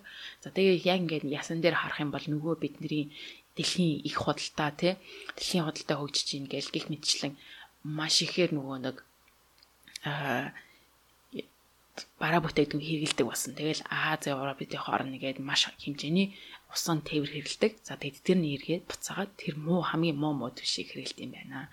За тэгээд үүнээсээ болоод бас бомб татууд ч гэсэн маш их агаарын бохирдол төрдөг тухайн л сая нэдэгийг хэлжсэн. Лос Анжелес хотын бомбд бол агаарын бохирдол нь бол энэ усан тээврээс гарч байгаа энэ онгоцнуудаас гарч байгаа муу дизелийн түвшинээс болж гарч ирд юм байна. Гэх мэтлэн тий маш хэцүү байдаг. За тэгээд дэги бас түрүү дурдж илээсэн л та яг ингээд хин энэ агаарын бохирдолд өртөө тань ихлээр агаарын бохирдол гэдэг маань зүйл маань болохоор энэ гарч байгаа утгаанууд нь болохоор тухайн яг хэсэгтэй байдаг тэр нэгдэгдээд хол явцдггүй. Тийм болохоор сунг байдалтай ингээд газрын давхартай ойрхон байж байгаа. Тэгэхээр хин дизелийн хөдөлгөөрөөр хамгийн их байгаа гэхлээр буцаагаад машин барьж байгаа хүмүүс яг тэр зам дээр гараад бензин шат бензин штагаа дизель штагаа явж яхад машины жолооч нар хамгийн их агаарын бохирдол өртдөг юм байна. За тэгээд тэр замаас ерөөсөө 2 3 метрийн зайтай ингээд жоохон голтоход агаарын бохирдол хамаагүй сайжирдаг. Өөрөөр хэлбэл явган хүн явган тэр зам дээр байж хахад тэр зам нь хэрвээ машин замаас баг зэрэг аслагдсан байхад агаарын бохирдол хамаагүй дэрддэг юм байна. За тэгээд түрүүнд миний хамгийн ихэндээ хэлжсэнчлэн та нар ингээд машин дотор суугаад агаарын бохирдлоос ингээд хүүхдээ хамгаалаад явж гинэ гэж бодож байгаа бол тэр чин бол шал худлаа гадаа алхаа явж яваас нь хамаагүй дээр машин дотор суугаа явмал та бүхний мэдхгүй байгаа шиг чин фильтрээр хүртэл ингэж орж ирээд яг өмнөх машины чин утаа буцаагаад яг өөдөөс ирж байгаа хгүй тэрийг машин чинь угаас аваад та бүхэн рүү шахаад тэгээд ямар ч дотроо нөө агарын солилцоо байхгүй машин дотор тав дахин илүү гадаа хаж алхаснаас илүүгээр хорцд юм байна гэж ийм хүртэл ингэ тооцоо гаргасан байт юм байна. За за дагээ дараачих дээр нь бол ерөөхдөө яаж бид нэр энэ агаараар амьсгалахын тулд тий а энэ бох агаарын бохирдлын амьсгалаад арай чараа гэж амьшаалж байна. Яаж энэ агаарын бохирдол гэдэг зүйл чинь бидний бүр төрснөөс ахгуулаад өвтөл одоо биеинд чинь нөлөөлж идэм бэ. Бүр энд бол төрхөөс өмнөх зүйлүүдийг ярьж байгаа юм л да. Нөлөөлдөг юм бэ гэдгийг бол ярьж байгаа. А энэ зохиолч маань интегт рүү очиод ингээд судалгаа хийх гээд ингээд очиж яхад нэг одоо тоо баримт болсон болохоор энтхийн дээлийн хотод бол 3 том хүн татмын нэг нь 2 3 а биш 2 3 хүүхдийн 2 нь тий 3 том хүний нэг нь агаарын бохирдолтой холбоотой ямар нэгэн амьсгалын замын өвчнөд байсан гэдгийг бол ийм тоо байт юм. Тэгэхээр энэ бол аимшигтай байгаа байхгүй юу? Бараг хүн амынхан талаас илүү ерөөсөө ямар нэгэн байдлаар амьсгалын замын өвчтэй махраг өвчтэй болсон гэдэг ийм баймар тоо байгаа. За тэгвэл агаарын бохирдол гэдэг нь бидний амьдралд яаж нөлөөлд юм бэ гэхээр бүр ингээд төрхөөс ахуулаад бүр төрх ураг өвсгээс өмнө анх нөлөөлдөг эхэлж байгаа нь агаарын бохирдлоос болоод PM 2.5 нь болохоор хүмүүсийн одоо infertility буюу одоо хүүхэд эрэгтэй хүний эсн хэдүүлээ үрийн шингэнд байгаа тоон хүртэл багасгахаар тэмжээтэй. Тэгээ судалгаагаар харахад тэр бол ерөөдөө ойролцоогоор 7-оос 8%-аар агаарын бохирдолтой байгаа газар амьдардаг хүмүүс 7-8%-аар үрийн шин гэдэг үр тогтоох эс нь бол багассан байдгийг нь бол харуулж байгаа юм. Тэгэхээр зүгээр л агаарын бохирдолтой газар амьдрахад та бол ингээд өргөдөх магадлал нь хамаагүй өндөр болоод ирж байгаа гэсэн. За тэгвэл за арай ядаад нөгөө өргөдөх магадлал нь өндөр болсон ч гэсэн за хүүхэдтэй боллоо гэж бодод тий. Тэгвэл урагт яаж нөлөөд юм бэ гэж. Энэ бол маш амар тоонод байгаа юм л да. За урагт маш ихээр нөлөөдөг нөгөө 2.5 гэдэг PM2.5 чинь дахиад нэлээд байгаа. Зөвхөн ураг урагт одоо тий агаарын бохирдолтой газар байгаа үед нь биш тэрнээс өмнө хэдэн сарын өмнө хүртэл агаарын бохирдолтой газар амьдарсан байхад тэр нь хүртэл буцаагаад урагт нөлөөдөг. Тэр нь төрхийн одоо ямар нэг дефекттэй гарна тий. Тэр нь жишээлбэл зүрхний шиг одоо зүрхний хавхлаг нь алдаатай гарна гэдэг юм уу тий. а ямар нэгэн байдлаар анханасаа төрхлийн тийм зүйл гарна. А за цагаас өмнө дут төрөх, дутуу төрөх гэдэг зүйл маш их болж байна.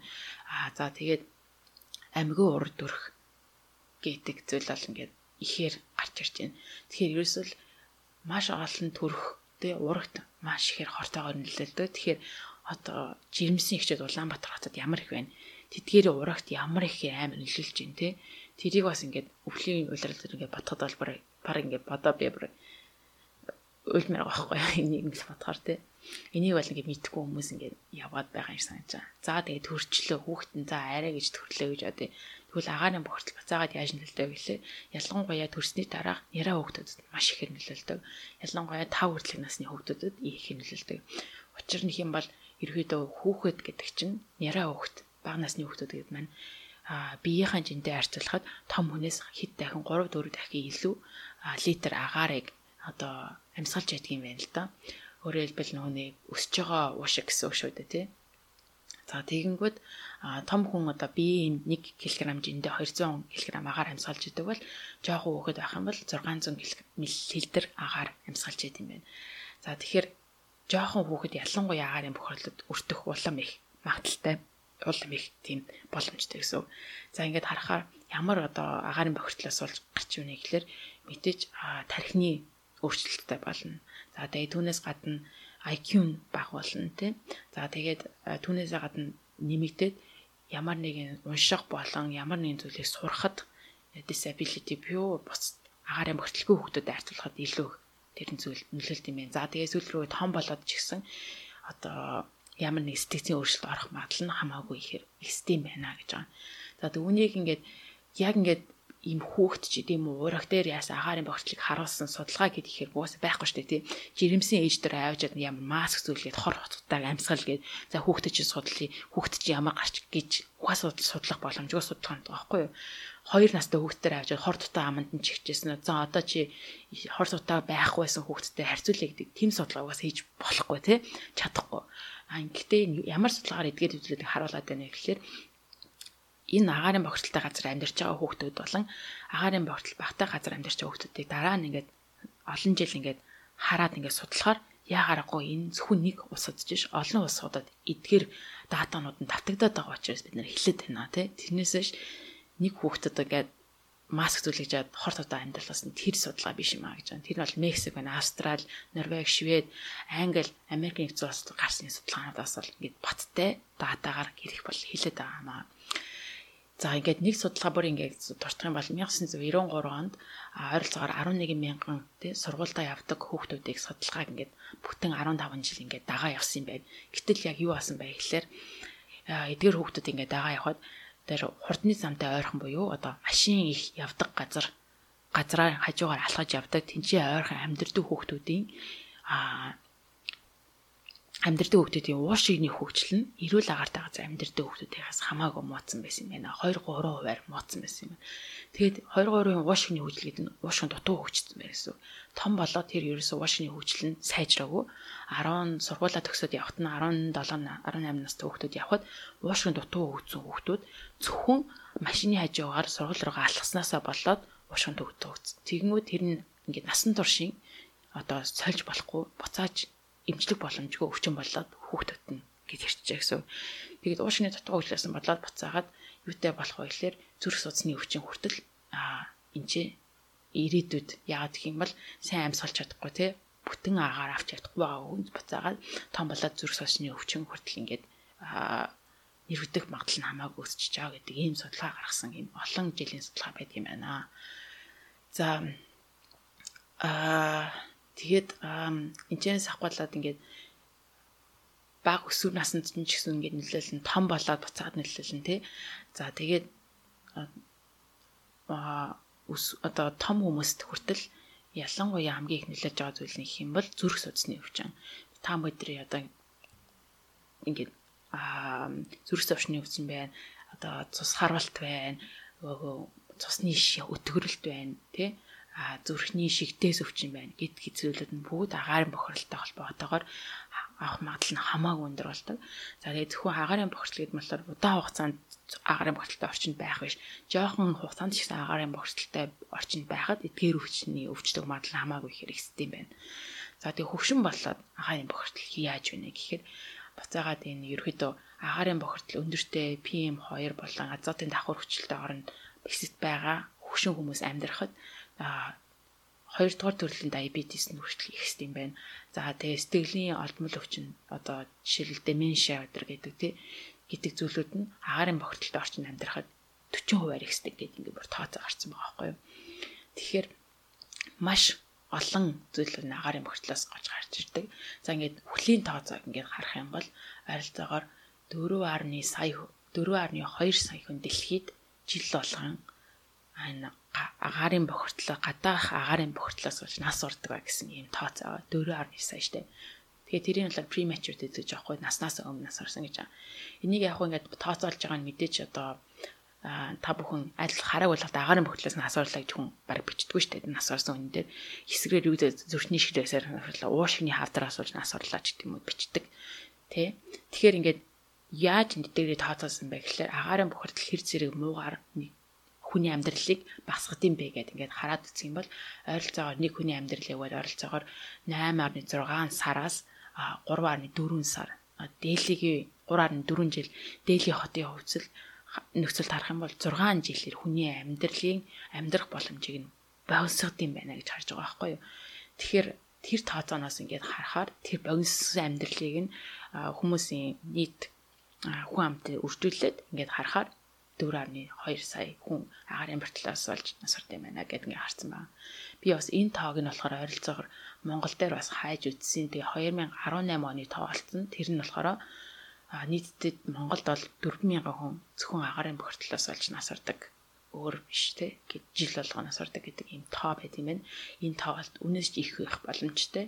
Ялангуяа урагт нөлөөлж байгаа тэр хүмүүс эдэр ороогүй байхгүй юу те жоохон тоонууд нь ийм аимшигтай зүйл одоо бидний төрхөөс ахгуулаад бүр төрхөөс ч өмнө үхтэл чинь бол ингээд агаарын бохирдол ямар аймад нөлөөтэйг бол энэ энэ бүлэгт дурдсан байт юм байна. За. За тэгээд ихний бүлэг бол ингээд муу мэдээтэйгээ түлээ нүүр талсан бүлэг бүлгүүд үргэлжлэлээ. За одоо ингээд сүүлийн хагас буюу 7 дугаар бүлгээс эхлээд илүү нөгөө нэг усууд энийга яаж хийцэн байна вэ? Эсвэл шийдэхгүй улам дампуураад байгаа газар байна уу гэдэг талаар танилцууллаа. За Лондонгийн хувьд 2016 онд шинэ хотын дарга томилогдоод тэгээд хотын дарга бол томилогдонгуудаа л анхныхаа тунхаглалыг одоо нэг сургуулийн тоглоомын талбай дээрээс хийсэн. Тэгэхдээ болохоор би Лондон хотын агаарыг цэвэршүүлэхийн тулд одоо тийм чин хүсэлтэйгээр одоо сонгогдсон хүн байнамаа гэж хэлсэн байгаа. Өөрөө бас нөгөө марафонд гүдэг. Тэгээ марафонс болоод цэвэр агаарын хүнд ямар хэрэгтэй вэ гэдэг талаар маш их мэддэг тий. Бүр хувийнхаа зүгээс ч гэсэн энэ агаарын бохирдлыг бүр шийдчихсэн гэсэн юм хүсэл эмэлцтэй хүн томилогдсон гэж байгаа байхгүй. Энэ үе байн байн Twitter дээрээ бас ингээд агаарын бохирдол нь өндөр гарчих юм бол за одоо хүмүүсээ бохирдол өндөр бэ шүү. Гэртээ байгаараа 5 0-аас 5 нас 5 нас хүртэл хүүхдүүдийг гэрээс нь гаргаж болохгүй шүү гэдэг юм уу те. Бүр ингээд хотын захирагч нь энэ дээр маш их тийм ач холбогдол өгөөд ингэж дуурч хэлсэн гэж байгаа юм. За тэгээд Английн хувьд яг бас тухайн үед байгаль орчны яамных нь нарийн бичгийн дарга нь бас одоо агаарын бохирдолтой хатуу тэнцний э, гэсэн юм уриал оцсон гаргаж хэлсэн. Тэгээд тэр хүн болохоор 2000 40 он хүртэл бүх одоо 2040 он гэхэд бүх нөгөө нэг бензин болон дизелийн хөдөлгөөрт машинуудыг хориглоно гэж бас тунхилжсэн юм байна. За тэгээ саяхан хотын захирагчийн хувьд ч гэсэн 2018 онд тэгээ тээврийн нийт 80%-ийг нь болохоор ингээд хүмүүс одоо хөлөөрөө явах юм уу, дугуй унах юм уу эсвэл ингээд нийтийн тээврийг ашигладаг болгоно. Машин машины хэрэглээг бол айл болох багасгана гэж бас тэгээ үүний төлөв дөрвтэй ажлууд хийнэ гэж бас ингээд дуурчсэн байна. Тэгээ улс төрийнх нь яг ингээд эрх мэдэлтэй одоо дээр нь толгойд нь байгаа хүмүүс нь энэ дээр ач холбогдол өгөөд ингээд зөрөгтэйгээр томоохон шийдвэрүүдийг гаргаад хэлсэн нь бас Лондонгийн хувьд нэлээд чухал нөлөө үзүүлсэн. Тэгээд түүний ачаарч бас гээд 2018 оноос эхлээд Лондон дох цахилгаан машины хэрэглээ эрс нэмэгдсэн өмнөх жилийнхээсээ шууд 25%-аар ихссэн гэд гэж байгаа юм л да. За тэгэхээр ингээд 18 онд л тийм нөлөө гарчаас юм чинь дараа дараагийнхан жилүүд сайн нөлөө гарсан байх, үр дүн гарсан байх гэж бодож байна. За тэгээд дараагийн кейс болох Бээжингийн талаар ярив. Бээжин бол хит хитэн түүхэндээ томоохон цочроо авсны үндсэн дээр засгийн газар нь за энэ дээр ч дөрвтэй арга хэмжээ авахгүй болохгүй юм байна гэж ухаарсан байгаа. Тэгээд эхний цочроо бол 2008 оны Олимп байсан. За Олимпийн үеэр за яаж одоо энэ улс орнуудын тэ өмнө нэр нүрээ авч үлдэх вэ? Тэ яваарын бохирдлоо одоо астайхан байлгаж байгаа энэ 100 Олимпо хийх вэ гэд бодсон. Тэгээд тухайн үедээ ямар арга хэмжээ авсан бэ гэхээр томоохон нүүрсний үйлдвэрүүдээ хаасан төр хугацаанд хаасан эсвэл хүчин чадлыг нь төр хугацаанд багаар ажилуулсан. Тэгээд ойр орчныхоо томоохон үйлдвэрүүдийг төр бас ингээд үйл ажиллагааг нь зогсоосон. Тэгээ ойр орчим гэж хэлж байгаа нь бас нэлээд далаацтайгаар энэ зогсоосон байна. Бүр өвөр Монголын үйлдвэрүүдийг тодорхой хэмжээгээр хязгаарлаж байсан гэж байгаа байхгүй. За тэгсний үндсэн дээр Бээжингийн PM2.1 PM10 нь бол ингээд 40% бүр буурч чадсан. За бусад хийнүүд ч гэсэн 50%, 60% гэд маш дөрвтойгоор буурч чадсан. Тэгээд үүнээс Бээжин бол тэр 2008 он хүртэлх сүүлийн 10 жилд хамгийн одоо цэвэр агаартай байсан зун нь бол тэр Олимпийн 100 байсан юм байна. Тэгээд аа за за ойлголоо. Манай утаа бол яалтчгүй энэ үйлдвэрүүдээс гарсан утаа байгаа мэнэ гэдгийг Бээжин бол тухайн үедээ ойлгож авчихсан юм байна.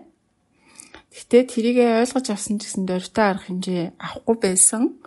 Аа авахгүй байгаад одоо түрүү хэлжсэн нөгөө сайн дурын байгууллага, төрийн бас байгууллага энэ төр нь мэдээ датануудаа одоо нийтэлж эхлээд Америкийн элчингийн газарнаас PM 2.5-ийн мэдээг ингээд нийтэлж эхлэнгүүт бүр одоо энэ ном дээр гарч байгаа нэг жишээ байгаа хгүй коллежийн профессор бүр ингээд хятадын бүр элит хүмүүсийнх нь нэг нь ингээд 2.5 гэж юу гэдгийг тухайн үед мдээгүй одоо Америк элчин сайдын газар нь тийм нийтлэгч нийтлэлчингүүд анх удаа гуглдэж үзчихсэн гэд. Хүмүүс ерөнхийдөө энэ талаар нэлээд мэдээлэлтэй болоод мэдлэгтэй болоод байжгаад 2013 онд түрүү хэлсэн нөгөө нар ихтэлчиг ингээд өдрийн цагаар тас харах болсон гэдэг. Тэгээд энээс бас арт нийтээрээ ингээд нэлээ ингээд сошиал дээр давлгаалаа те би хүнэн одоо тоос сурагч болмооргүй байна гэсэн уриалооцсон бүхий ингээд хөдөлгөөн тий арт иргэдээс нь гараад тэгээд үүний үндсэн дээр 2014 онд дээрээсээ хоёр дахь том хүн нь Ши Жинпиний дараагийн хүн бас хэлжсэн юм. За агарын бохирдлын эсрэг ингээд дайн зарлж байна хятад улс бол гэд. Тэгээд үүнээс хойш хятад улс бол маш дөрвтэй арга хэмжээнүүд авч эхэлсэн. Нүүрсээр ажилтдаг үйлдвэрүүдийг бол хаасан, нүүлгэн шилжүүлсэн, 13 мянган ийм үйлдвэрийн тэ ялгарч байгаа хийг бүр ингээ real time-аар тэ лайваар ингэж одоо мэдээлдэг арт хэрэгт нээлттэйгээр шилэн болгосон байна. За тэгээд 2014 онд болохоор одоо арт хэрэгтээсээ хэрвээ ойр амьдарч байгаа газарт нь хортой утаа ялгаруулж байгаа үйлдвэр байх юм бол шүүгдэх бүрийн эрхтэй гэсэн ийм хууль бас гаргаж ирсэн юм байна. Хятад бол мэдээж хэрэг мөнгө төгрөгөөрөө хөрөнгө мөнгөөр бол нэлээд даалгаж те энэ томоохон одоо үйлдвэрүүдийг зогсоосон. За нүүрсээр ажилтдаг үйлдвэр те ингээд дүнгийн баригдаад эсвэл баригдаад хэдхэн сар болоод үйл ажиллагаа явуулчихсан ч хамаагүй 100 гаруй ийм үйлдвэрийг бол ингээд шууд зогсоож исэн юм байна. За тэгээ энэ эдгээр үйлдвэрүүдийн хүчин чадлыг ингээд харах юм бол Япон, Герман хоёрын нийт эрчим хүчний хүчин чадлыг нийлүүлснээс илүү их хэмжээний эрчим хүчний хүчин чадлыг ингээд бүр канселда зогсоогоо тий тэгээд чамаагүй ингээд цэвэр агаар та болох ёстой гэд ийм арга хэмжээнүүдийг авчээсэн юм байна. Энд энд эндээс ирж байгаа шар тоос шороонуудыг зогсоохын тулд Хятад бол одоо 3 сарын 12-ыг мод тарих өдөр болгоо тий жил болгон 3 сарын 12 нийтээрээ мод тарьдаг ийм ногоон бүсийг бол үнэхээр бий болгож чадсан. Тий ойрын хугацаанд одоо Бээжин явж үзсэн хүмүүс бол өмнө нь Бээжин ийм их ногоо ногоолог байгаагүй. Ямар мундаг ийм ногоо тарьж чадсан хятад нийтээрээ ногоон одоо хөдөлгөөнийг өрнүүлж чадсан харагдаж байгаа. За тэгээд үргэлжлүүлээд хятад бол авах гэж байгаа арга хэмжээнүүдийн нэг нь 2025 он хүртэл 5 автомашины нэг нь цахилгаан автомашин байх ёстой гэсэн юм шаардлагыг дотоодынхоо автомашин үйлдвэрлэгчдэд тавьж байгаа юм байна. За тэгээд тэрний ч гэсэн хүчээр бас хиттийн автомашины зах зээл дээр цахилгаан автомашин нэлээд хүч төрж орж ирж байгаа. За зөвхөн 2017 оны байдлаар л гэхэд өмнөх онтойгоо харьцуулахад цахилгаан автомашины үйлдвэрлэл 40%-аар өссөн байна гэсэн. Бээжинг бол ингээд дүгнээд хэлэхэд бол дард иргэдээсээ гарч байгаа тэр эсэргүүцлүүдийг бас за энэ энийг одоо шийдэхгүй бол ер нь бол улс төрийн мэм байр суурь ч гэсэн нийгмийн амар амгалан байдал, тогтвортой байдал ч гэсэн алдагдах юм байна гэдгийг бол олж хараад тэгээд эдийн засгийнхаа хувьд маш тийм цоригтой томоохон арга хэмжээнүүдийг авсны үндсэн дээр асуудлаа шийдэж чадсан. Гэтэ нэг давуу тал нь болохоор энэ бол хүмүүсийн үйлдэлээс гарсан агаарын бохирдол гэхээс илүү үйлдвэрийн агаарын бохирдол байсан. Тэгэхээр засгийн газар нь илүү компаниудтайгаа үйлдвэрүүдтэйгээ уулзраа болоод тэгээд энэ асуудлыг ингээд шийдсэн байгаа даа. За тэгвэл дараагийн кейс болох Дели байна. За Дели бол сая ярьсан одоо дэлхийн хамгийн их бохирдолтой улсууд хотууд энийг байгаад байгаа. Гэтэл Дели дандаа юм байгаагүй. 2003 онд бүр ингээд Америкийн эрчим хүчний департаментаас те шагнал автлаа ийм мундаг хот байсан юм байна. Тухайн үед юу хийжсэн бэ гэхээр бүх нөгөө нийтийн тээвэр, такси, автобус эдрийг болохоор байгалийн хийгээр ажилдаг автобус болгож шинжилж исэн. Энэ нь ингээд үр дүнгээ өгчээсэн боловч А түүнээс хойш дээлигийн хүн ам өссөн. Тэгээ автомашины тоо ч гэсэн жил болго 10%-аар өсөө явсан гэж байгаа юм. Хүний тоо нэмэгдэнгүүт машины тоо нэмэгдээд машин нь эргээд буцаад бензинээр ажилдаг, дизелээр ажилдаг тийм машинууд нэмэгдээд үүнээс болоод агаарын бохирдол ингээд энэ хэмжээндээ хүрчээд байна гэж бас харж байгаа юм байна. Дивалигээд баярынхаа үеэр солиуд бодуулаад хорт хий ялгаруулад идэх ч юм уу. Тариаланчт нь бас тариа будааныхаа үлдэгдэл хогийг нь их шатаадаг ч гэдэг юм уу тий. Энэ яг нөгөө арт иргэдийнх нь ухамсартай холбоотой бас зүйлс байна л да. Тэгээ сайн дурын олон улсын гэд байгуулах ч юм уу тий. Хөдөлгөөнүүд очиод ингээд яриа хийх ч гэдэг юм уу. Сургуулиуд дээр ингээд сургалт орохоор хүүхдүүд нь хүртэл а би энтгэх хүн энтгэх хүн илүү мундаг уушигтай бид нэр хурдахгүй гэсэн тийм ойлголттой хүүхдүүд байдаг гэж байгаа юм. Агаарын бохирдлоноос эрүүл мэнд түнхээр хортой штэ гэж хүлээж авах хүртэл бас хугацаа хэрэгтэй тийм бас асуудлаас болоод ингээд а дээрэс нь одоо арт иргэд нь үнэхээр хаттын арт иргэд чиг агаараа сайжруулаач гэж хүчтэйгээр ус төрчд рүүгээ шахалт үзүүлэхгүй харин ч илүүтэй ингээд тариа будааныхаа үлдэгдлийг шатааж болохгүй шүү гэд хориг тавьч тавьчаад байхад тариаланчд нь ингээд эсрэг үзэл бодолтой. Тий яагаад шатааж болдгүй шатаах ёстой шүү гिचингүүд нь ус төрчд нь заа заа шатаа шатаа. Та нарт энэ удаадаа торгуул тавихаа боллооч гэдэг юм уу тий тийм нэг улс төрийн бас нөгөө бүтэй ноён нуруугүй бас байдлаас болоод төдтэй харьцуулахад Лондонд харьцуулахад те дөрвтэй сайжруулалт хийгдэхгүй байгаамаа гэж хэлсэн байна. За тэгээд одоо Дэлхийн хувьд бол хүмүүс ерөөсөө л аль болох Дели рүү явахгүй, Делигээс жоохон хөвгттэй хүмүүс ялангуяа экспатууд гадаадууд бол ингэ өөр хот руу шилждэг ч юм уу тийм нэг цухтаасан байдалтай Аа тэгээд энийг ингээд уншаад ахаар яг л Улаанбаатар санаанд ороод байна л да. Бид нар тийм Бээжин шиг цочроо хэрэгтэй юм шиг тэгээд бас дата их хэрэгтэй юм шиг тий. Одоо Бээжин жишээлбэл бүх үйлдвэрүүд реал таймаар датажуулаад хорт тутааг нь ингээд нүдэнд нь ил болгоод хэдэн хүүхэд энэ нэтрэ гэдгийг ард иргэд нь өөртөө аягуулсаа ухамсарлах тэгээд тэрнийх нь дээрэс нь бас нөгөө Лондонд байгаа шиг Бээжинд байгаа шиг тий ингээд ус төрчт нь бас яг одоо чин сэтгэлээсээ дайн зарлах, хор тутааг арилгахыг гэж бүр ингээд хүсэх, хэрмэлцэх бас шаардлагатай, зориглох шаардлагатай бас харагдаад байна. За тэгээд үргэлжлээд Калифорниагийн хувьд болохоор тэр 1900 донд бол нэлээд юм озоны хий одоо хорцсон тий хорт утаатай байсан болохоор 1967 онд одоо зөвлөл байгуулад цэвэр агаар яаж цэвэр агаараа авч үлдэхүү чанаржуулах уу гэдэг дээр ингээд зөвлөл ажиллаа. Тэгээд нийт Америкт хэрэгжиж байгаа стандартаас ч илүү хатуу стандарт мөрдөж ажилладаг юм байна. Калифорни одоо цахилгаан машины зах зээл бол бусад ямар ч улс бусад ямар ч мужаас илүү одоо том тий том зах зээл байдаг. Илүү ингээ бусад улс бусад хотыг яг электрон машины, цахилгаан машины зах зээлээрээ түүчилдэг бас ийм өндөр стандартаараа түүчилдэг ийм муж байна ололттой зүйлсийг хийж түүнийх нь нэг нь болохоор цахилгаан машин авах юм бол гээд 7500 долларын татаас өгнө. Дэмжлэг усаас өгнө гэдэг ч юм уу. Эсвэл гээд усаас бүр ингээд 250 мянган цахилгаан машины түргэн цэнэглэгч зогсоолуудыг бий болгосон. Энд дээр нэлээд хөрөнгө оруулдаг. Шин сургууль байгуулах юм бол хурдны замаас 150 м-ээс илүү хол байх ёстой гэдэг ийм стандарт мөрдүүлдэг. Гэх мэтчлэн тэ.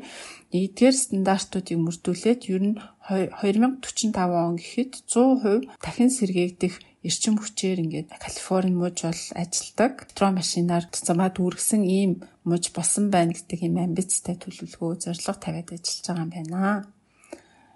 За, за дараа нь болохоор Парис байна. Парис болохоор машингүй өдөр гэж анх 2015 онд гаргаад түүнээс хойш сар болгон машингүй өдрийг ингээд гаргаа тий.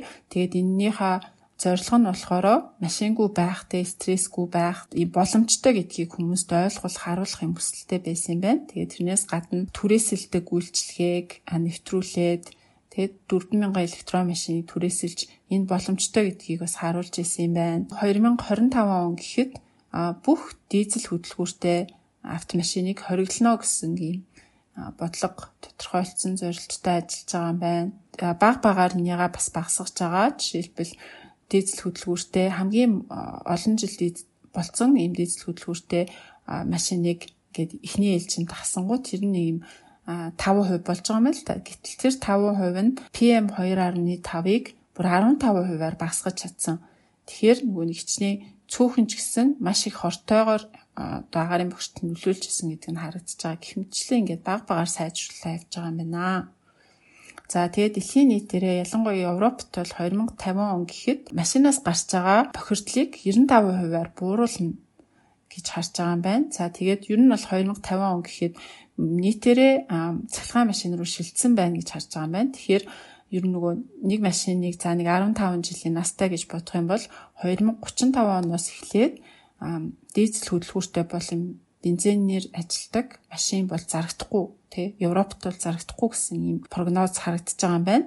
За тэгээд 2025 оноос эхлээд ус төрөгчөөр ажилтдаг юм уу эсвэл цахилгаанаар ажилдаг зөвхөн тийм автобусаар хотод үргэнэ гэсэн юм амлалтыг хэд хэдэн томоохон хотууд Лондон, Парис, Лос Анжелес, Барселона, Мексико, Милан, Сиэтл гэдэг тий томоохон ингээд хотууд бас амлалт өгсөн ингээд ажиллаж байгаа байна.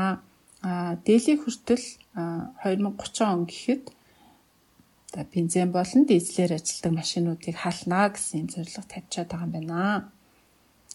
За тэгэхээр нөгөө одоо Монголд ямар байгаа гэхээр те Монгол бол зүгээр л хуучин хөдөлгүүртэй автобусаа шинжлэе гэсэн юм жул зорилго тавиад цаан чин цахилгаан автобус гэдэг ах чинь манайх ингээд нэг юм шахааны автобус, ясис автобус тэгээд бүр 23 онд дизель хөдөлгүүртэй автобуснууд ороод ирсэн байвал яах вэ? Оо шинэ автобус нь дизель хөдөлгүүртэй юм те?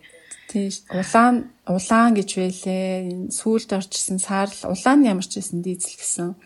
Энэ саарл нь аа юу бэж аа бензинээр ажилтдаг байж магадгүй ямар ч байсан цахилгаан бол биш. Дэлхий бүгдээрээ дизель хөдөлгүүрээс салъя гэд бүгд ингэ явж яхад манайх тэрийг оруулж ирж байна. Хаанаас ч олж ирсэн юм дэгөө. Бодвол нэг салгаж байгаа орнонд л за маа үнгөө ав гэсэн баг та бодлоо. Харин тийм оцолд оруулах гэсэн юмнуудаа л өгсөн юм шүү дээ. Чи манайхан болохоор өө гоё юм байна, шин юм байна гэл.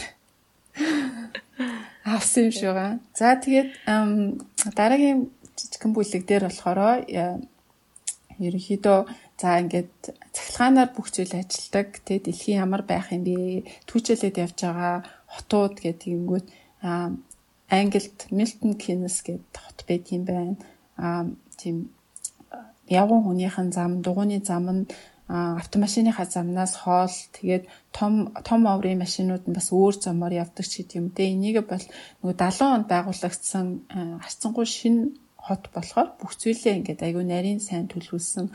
Тэгээ нийт хотын 80% нь ногоон байгууламж маш их тийм байгальтай ойрхон Аа тэгээд электрон машинуудыг автобуснуудыг нэвтрүүлж чадсан цахилгаан автобуснууд нь эцсийн буудлаас нөгөө эцсийн буудлаа хүрх хүртлээ ингээд цэнгээрээ яваад эцсийн буудлын дээр очиж нэг 10 минут цэнэглэл болчдөг тийм ухаалаг гих мэтчлэн зохиогч бол энэ хотыг айгүй их үнэлж байлээ. За тэгээд тэгээд энэ дээр бас нөгөө Tesla-гийн бас лифийн ингээд салбарт тий ингээд шин саль хүлээлгэж байгаа машинуудыг автомашины үйлдвэрлэгчдийг дурдсан.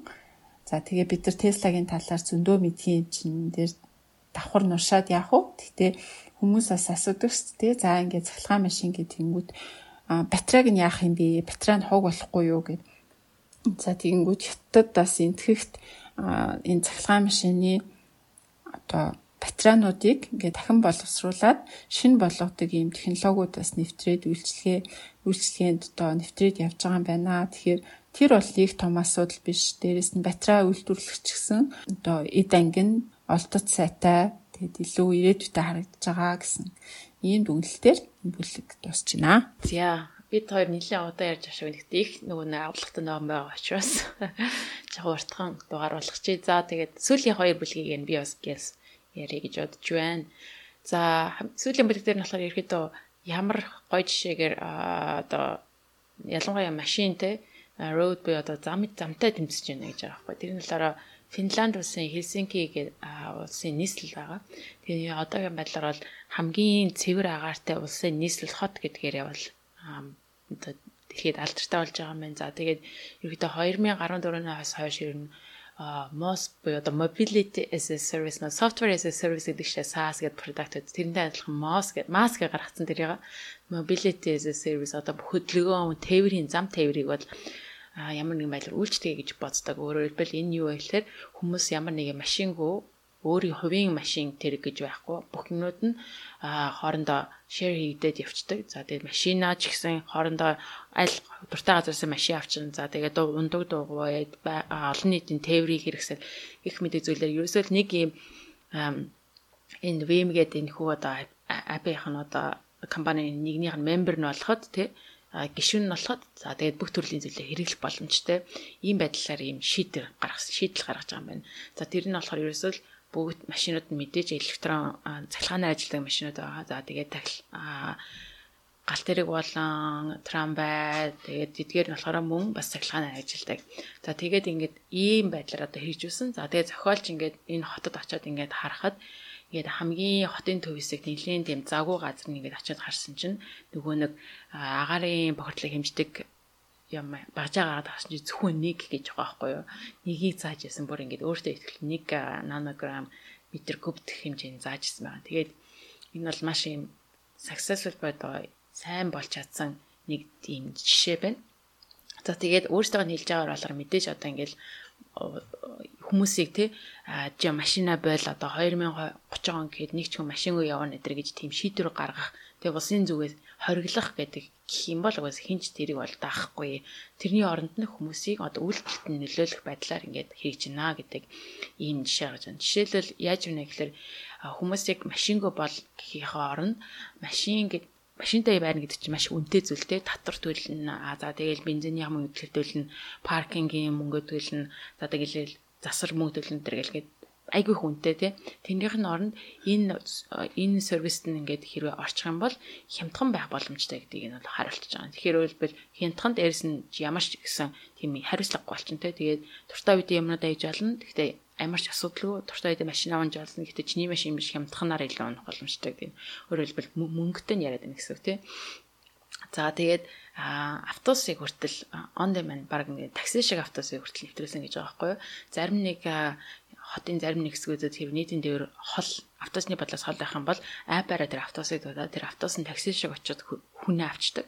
За тэгээд машин дээр ясан хэмжээтэй адилхан а цагийг аль нэг газараас аагаас би хүртэл явхад машинтай машинаар явсан хэмжээтэй хурдан явдаг байдлаар зохицуулсан. Тийм байгаа. За тэгээд ирээдүйд одоо бас ингээд бас нэг хөрхэн жишээ болохоор тийч ингээд гүүрийг ингээ хотын төгөөсөө тэр хүн амьдардаг газар хооронд ингээ гүүр барьж байгаа юм л да. За тэгээ тэр гүүрэн дээр шинэ гүүр барьж байгаа. 2 3-ыг барьнгээ төлөвлөсөн. За тэгээ гүүрэн дээр нь зөвхөн мотороор явдаггүй хөдөлгөөрөл явна гэсэн. Өөрөөр хэлбэл дугуй ундаг ундаг дугуй явж болно. Эсвэл одоо хүмүүс гүйж болно, алхаж болно, машин болгохтон ч явахгүй. Тэнгүү тэр гүүрийг барингууд тэр хотын төгөөс тэр хүмүүсийн оршин суудаг газар хүртэл ерөөсө 2 км маш хурдан явчихна. Ариу машинаар явах бол 10 км ингээд тойрч явдаг тийм байдлаар үүсгэж байгаа. Өөрөөр хэлбэл машин барих юм бол амьдрал чинь хэцүү харин машингүй ундаг дугуй юм алхах юм бол амьдрал чинь амархан гэдэг энэ инсентивийг одоо хотынхаа хүмүүст өгөөд эхэлж байгаа гэсэн. Тэгмүүд хүмүүс угаасаа өө алхацсан угаасаа амар юм байна тий эсвэл ундад дугаар явцсан амар юм байна гэд өөрөө өөрөө тэр машин болохгүй гэдэг хориглохоос илүүтэйгээр өөрийнхөө шийдвэр гаргангууд тэр нь илүү урт хугацаанд одоо үлдэстэй шийдвэр болж байна гэсэн.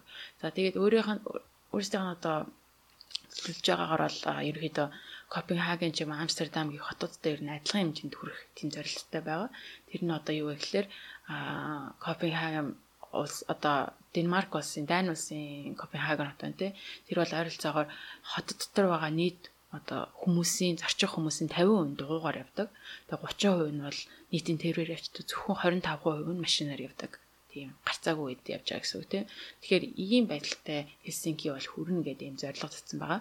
Тэг хамгийн гол нь юу гэдэг вэ гэхээр зүгээр хүмүүсээ дугуун дугуун ингээд гарч унах боломжгүй тийм. Яад яадаг гэхээр ингээд нөгөө нэг дугуун дугууны дугуун зориулсан юм зам байхгүй болохоор хүмүүс тийм аюулгүй байдалтай унж чадахгүй хурдан атах хүрэх газар хорчиж чадахгүй байдалд хүрчин. Тэгэхээр Амстердам, Копенгаген эдэр хотууд шиг машин замын хажууд нь дугууны зам ингээд бүр зөвхөн дугаан зориулсан замыг ингээд таад өгчин. Тэгээд дараа нь явгууны зам. Тэгээд энэ ч бүр нэг зүйл нь болохоор баана гэдэг. Тэр нь болохоор дугууны бүр хурдны зам гэж байгаа байхгүй юу?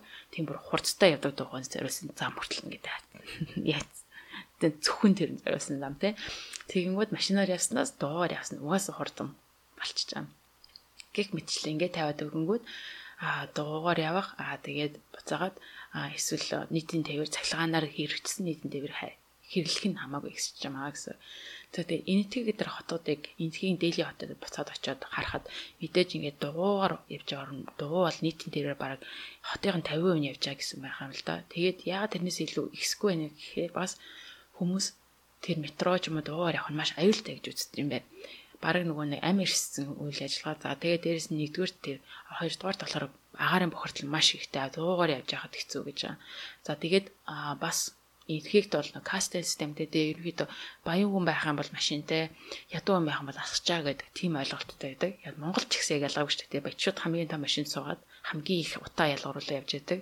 За тэгэнгүүт яд алхахаар очи мөнгөгүй машингүй хүн байна. Доор үзэх баталтай яг Монголтай адилхан санагцсан. Тийм болохоор энэ одоо аарын бохирдлын эсрэг өөрөө ажиллаж байгаа энэ одоо хүн хүртэл өөрөө би ерөөсөө метронд суудгүй ядуучуудаа хамт явдгүй ингэж өөрөө хэлсэн байгаа байхгүй би жил амьдралдаа 2 3 хуудаа сууж үзсэн гэж өөрөө бүр дурцсан байна. Тэгээд баян машинаар явдаг. За тэгээд мэдээж ингээд дуугаар явах зам байхгүй учраас хүмүүс дуугаар явахгүй. Тэг хүмүүс дуугаар явахгүй учраас зам байхгүй гэдэг юм дээлигийн хувьд л жоохон хэцүү тоолцсон тий. За өшөө одоо амжилттай жишээ гэх юм бол одоо Мексик Мексик Мексикот тэ Мехико сити байна. Тэр нь яасан мэхлээр Bus Rapid Transit гэж гаргасан. Тэр нь өөрөөр хэлбэл бас Латин Америкийн бас бусад орнууд ч гэсэн байдаг л да. Аргентин нэдэрт байдагтай адилхан. Зөвхөн зөвхөн автобус явдаг тийм машин замтай. Тэгээд тэр шиг ерөөсөө ямар ч машин орох боломжгүй. Бүр ингээд амар том ашиглагтай ямар ч боломжгүй тийм эзэм байдаг. Монголд бол ингээд хальт хийгээд нэгдгээр инээгээ. Тэгэхээр ингээд машин бас ороод ирчдэг байхгүй юу. Тэгээ тэрийг буцаа ингээд гацчихдаг. Тэрний оронд нь баг автобус нь яг метро шиг явдаг тийм бүр зөвхөн ийм замтай. Тэгээд тэр бүр хамгийн давуу эрэхтэй явдаг. Ийм зүйлүүдийг хэрэгжүүлсэн Мехико Сити тэгэнгүүт бас нэлийн бас амжилттай явж байгаа ойролцоогоор нэг жилд энүүгээр 100 180 сая хүмүүс ингээд э, зорчдог. За тэгээд ойролцоогоор ерөөдөө юу гэж үзсэн байглаа а бараг сая гаруй машиныг бол энэ хотоос энэхүү зүйлийг хэрэгжүүлэхсээр гаргаж боломжтой болсон гэдэг тийм зүйл байна. За хот дотор гүшөө бас нэг сайн жишээ юм бол мэдээж ногоон байгууламжийг хэсгэх гэж байна. За тэгээ ногоон байгууламж мод тарих гэдэг маань PM2-ыг угаасаа маш их багасгадаг тийм зүйл байна. Тэгээ хотуудад ч гэсэн эдгээр зүйлүүд нэгсэж байна. За жишээлбэл Милан хот те хуучны хот тэгээ ямар ч зайн нөхсөхгүй гэж байгаа боловч аа эдгээр зүйлүүд ингээд vertical forest буюу одоо ингээд өндөр дээшээ ингээд яадаг юм. Юу гэм босоо босоо аймад гэж байгаа байхгүй. Тэрийг хийж жишээлбэл шинэ барилгууд дээр аль болох барилга нь аль хэдийнэ ногоон байгууламжтайгаа нэгтгэгдсэн барилга дээр нь модтай тийм одоо шинэ төрлийн хотуудыг шинэ барилгуудыг барьж эхэлж байгаа юм. Тухайлбал одоо хятадд байна Ланз э, Лиажао хот гэх юм уу. Тэр нь бол бүр алдартай. Аа 1 сая ургамалтай тийм маш том ийм ногоон бүс ногоон хотыг хийж байгаа. А Азийн орнуудад ч гэсэн шинээр баригдаж байгаа барилгынхан дээр заавал ногоон байгаар үлээж барих гэдэг тийм хотоос нь бол шаардлага тавиад явж байгаа юм байна. За тэгэхээр эдгээр зүйлүүдийг дугуйгаа дугуй ундаг дугуйгаа хэрэглэх тий а тэгээ ногоон байвламж ихсэх гэдгээр бас PM 2.5 бас боломжтой шинэ олон гараад эхэлсэн байна. За тэгээ хамгийн сүүлд нь яхад бол ерөөхдөө эдгээр ногоон байгууламжийн хэсэг тий агаарын бохирдлыг багасгахын тулд бид нэр ямар үнцэн төлөөд байгаа юм бэ тий бид нэр яг яс юм дээр агаарын бохирдлын төлөө багасгахын төлөө одоо ингээл төрлөөрийн цахилгаан одоо цахилгаан харилцдаг машин хийн гэдэг юм уу те их зардалтай юм шиг сонсогдож магадгүй. Гэтэл яг ингээд олон нийтийн нийгмийн талаас нь харах юм бол эрүүл мэндийн зардал те тэрний зарцуулж эрүүл мэндийн зардал тэрнээс гарч байгаа эдийн засгийн үр ашиггүй байдал одоо биеийн өвдөд гэртээ хэвтэнгүүд чинь угаасаа эдийн засгийн үр ашиггүй байдал гарч ирэхгүй. Эдгээр зүйлийг ингээд яг тооцоод ингээд яс нарийн харах юм бол агааны бохирдлыг басгаад агаарын бохирдлоос гарах өвчнийг басгаад за ингэсэн нь эрүүл нийт нийгэмдээ үзүүлэх эдийн засгийн хувьд хамаагүй үр нөлөөтэй хамаагүй сайнаар нөлөөлж байгаа. За тэгээд ингээд ирээдүйд ингээд харах юм бол хэрэг агаар бохирдлоо харах басахгүй байх юм бол 2060 он гэхэд бол бид нар бол 3 одоо 200-аад биллион долларын еврогийн зөвхөн мөнгийг бол ингээд агаарын бохирдолтой орно агаарын бохирдолтой холбоотой өвчнгүүдэд зарцуулах гэдэг байхгүй. Тэрний оронд одоо тэрийг сэргийлчих юм бол тэр нь харин эсрэгээр байгуулад Калифорни мужид хийсэн нэг судалгаар харах юм бол одоо 1 долларыг агаарын бохирдолтой тэмцэхэд зарцуулах юм бол а 30 дараа нь энэ бол 30 доллар болгож өөрс чинь ашигтайгаар ирнэ гэдэг тийм тооцоо орсон байна. Өөрөөр хэлбэл хөрөнгө оруулалт гэдэг талаас нь харна гэж байгаа. Тэгэхээр нийтдээ бол позитив буюу нэмэлт мөнгө зарцуулах тусам ирээдүйд мөнгө илүү олж ирэх тийм байдлаар харж байгаа гэсэн үг. За эдгээр тэгвэл хөрөнгөүүдийг одоо хаанаас засгийн газар нь олж ирэх юм бэ гэдэг нэг зүйл гачирн те энэ одоо хөрөнгө оруулалтыг хийх тул тэгвэл хөрөнгө оруулалтыг одоо яаж их боломжтой гэхээр одоо хамгийн их агаарыг бохирдуулж байгаа хүмүүсээс татвар буюу одоо аваад илүү өндөр такс төлнө гэсэн шүү дээ тэр хүмүүс нь. Тэгээд тэр татвараар орж исэн мөнгүүдийг буцаагаад аа ногоон байгууламж шиг юм уу эсвэл цахилгаанаар ажиллах одоо машин ч гэх юм уу цахилгаанаар ажиллах олон нийтийн тээврийн хэрэгсэл гих мэтчлэн эдгээр зүйлүүдэд зарцуулах бүрэн боломжтой. За тэгээд хичнээн одоо засгийн газрын зүгээс ч юм уу хотын зүгээс хичнээн төрлийн этик ин гэсэн захирамж зааврыг гаргасан ч гэсэн гол нь түүнийг хэрэгжүүлэхгүй бол ямар ч үр ашиггүй зүйл гэсэн.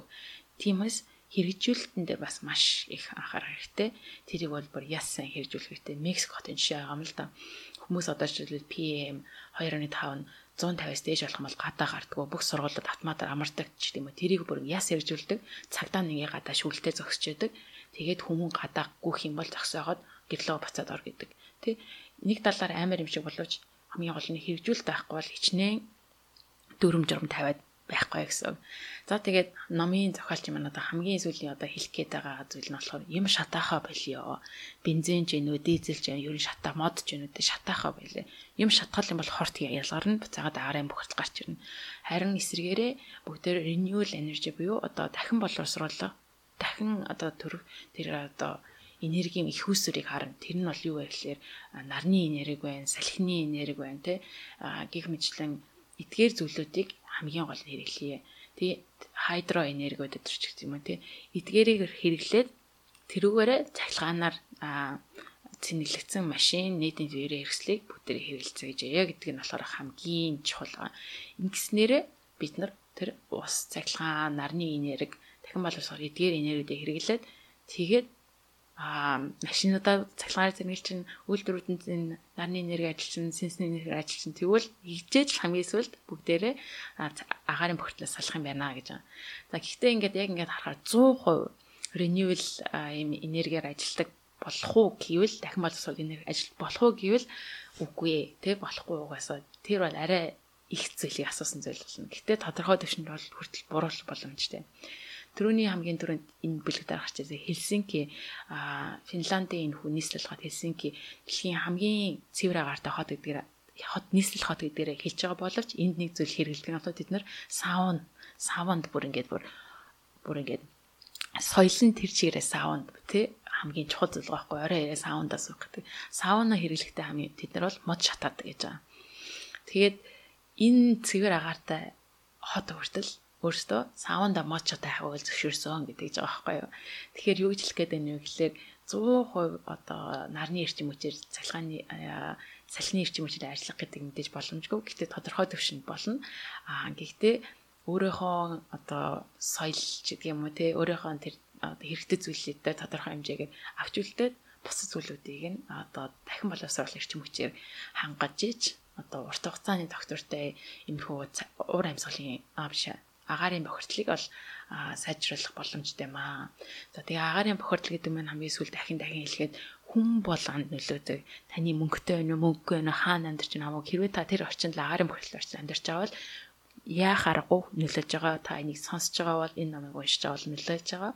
Тэгэхээр эдний төлөө бас ажиллах хэрэгтэй. Тэгээд эцэст нь агаарын бохирдлыг одоо багсахын тулд хаанаас хамгийн их хүч гарах хэрэгтэй вэ гэхлээр бид бид буюу одоо бид одоо хүмүүс олон нийт тий олон нийт нийгэм нь өөрөө хүчтэй байж буцааж засгийн газар даа хилжээд тэдгээр зүйлүүдийг хөдөлгөх хэрэгтэй. Тэгэхээр бид нар өөрсдөө буцаагаад 10 20 100 жилийн дараа агаарын бүртгэл орчинд амьдрах уу гэдэг нь бол бид нар public pressure тий олон нийтийн энэ дарамт нь буцаагаад нөлөөлөх юм аа. Тэгжээч н сторийг бас ингэж хөдлөх юм аа. Тэгэхээр бид нар өөрсдөө дуу хоолойгоо өсгөж бид нар энэ орчинд амьдрахгүй гэж ээж агаарын бүртгэл багсах юм шүү гэж хэлээд энэ ном тусан байгаамаа. За за тэгээд уншихад тийм амар ном байгаагүй. Гэхдээ тэгшээ дээр өөрсдийнхөө төлөө болон сонсогчдийнхоо төлөө номыг уншиж дуусгасандаа бол баяртай байна. Зөндөө олон хэрэгтэй зүйлийг мэдэж авлаа. Сочроо авлаа. Аа. Тэгээд бас дахиад хэлэхэд бид нар бол ингээд та бүхэн агарын бүртлгээд ямар амар зүйлүүдийг идэг ухаарад тэрнийхээ төлөө дуу хоолой гаргаад нэг хэсэг бас ингээд амар агарын бүртэл амар гэж ягсдаг байсан шүү дээ тий Тэр мэрч их одоо байхгүй болсон юм шиг санагдав. Буцаагаад хэлэх хэрэгтэй. Аа бас түрүүнд ингээд номдаар гарч ирсэнчлэн 2.5 гэдэг чинь нөгөө нэг нүдэнд харагдах байж байгаа сүүл рүүгээ нүдэнд харагдахгүй партиклууд нэгээд агаар түлжээд маш хэмжээгээр ингээд бас биднийг ингээд эрүүлэн дээр нохироож байгаа гэдгийг бас тэр тоо баримтуудаар нь бас ингээд анзаарч явах хэрэгтэй юм шиг л санагцсан. Аа. За тэгээд манай хамгийн агаарын бохирдолтой сарууд үргэлжилж байна. Бүгдээрээ энэ саруудыг марталгүйгээр дараа жил дахиад л ийм зүйл болно. Хичнээн жилдээ 4 5 сар үргэлжилдэг ч гэсэн бидний эрүүл мэндэд нөлөөлж байгаа. Тэгэхээр ингээд өөрсдөөсөө эхлэе гэдэг үрээгээр намаа дуусгахыг хүсэж байна. За тэгээд намаа дуусгахаас өмнө подкастынхаа ерөнхий энтгэгчийг дурдъя. Дэнг фарма эрүүл амьдралын хэмээгээ tweetгээ эрүүл мэндийн чанарыг эрхэмлэгч подкастын ерөнхий энтгэгч Дэнг фармалаа. За. За тэгээд энэ удаагийн дугаар маань бас таалагдсан гэж найдаж байна. Тэгээд дараагийнхаа дугаараар уулзлаа. Түр баяртай. Түр баяртай.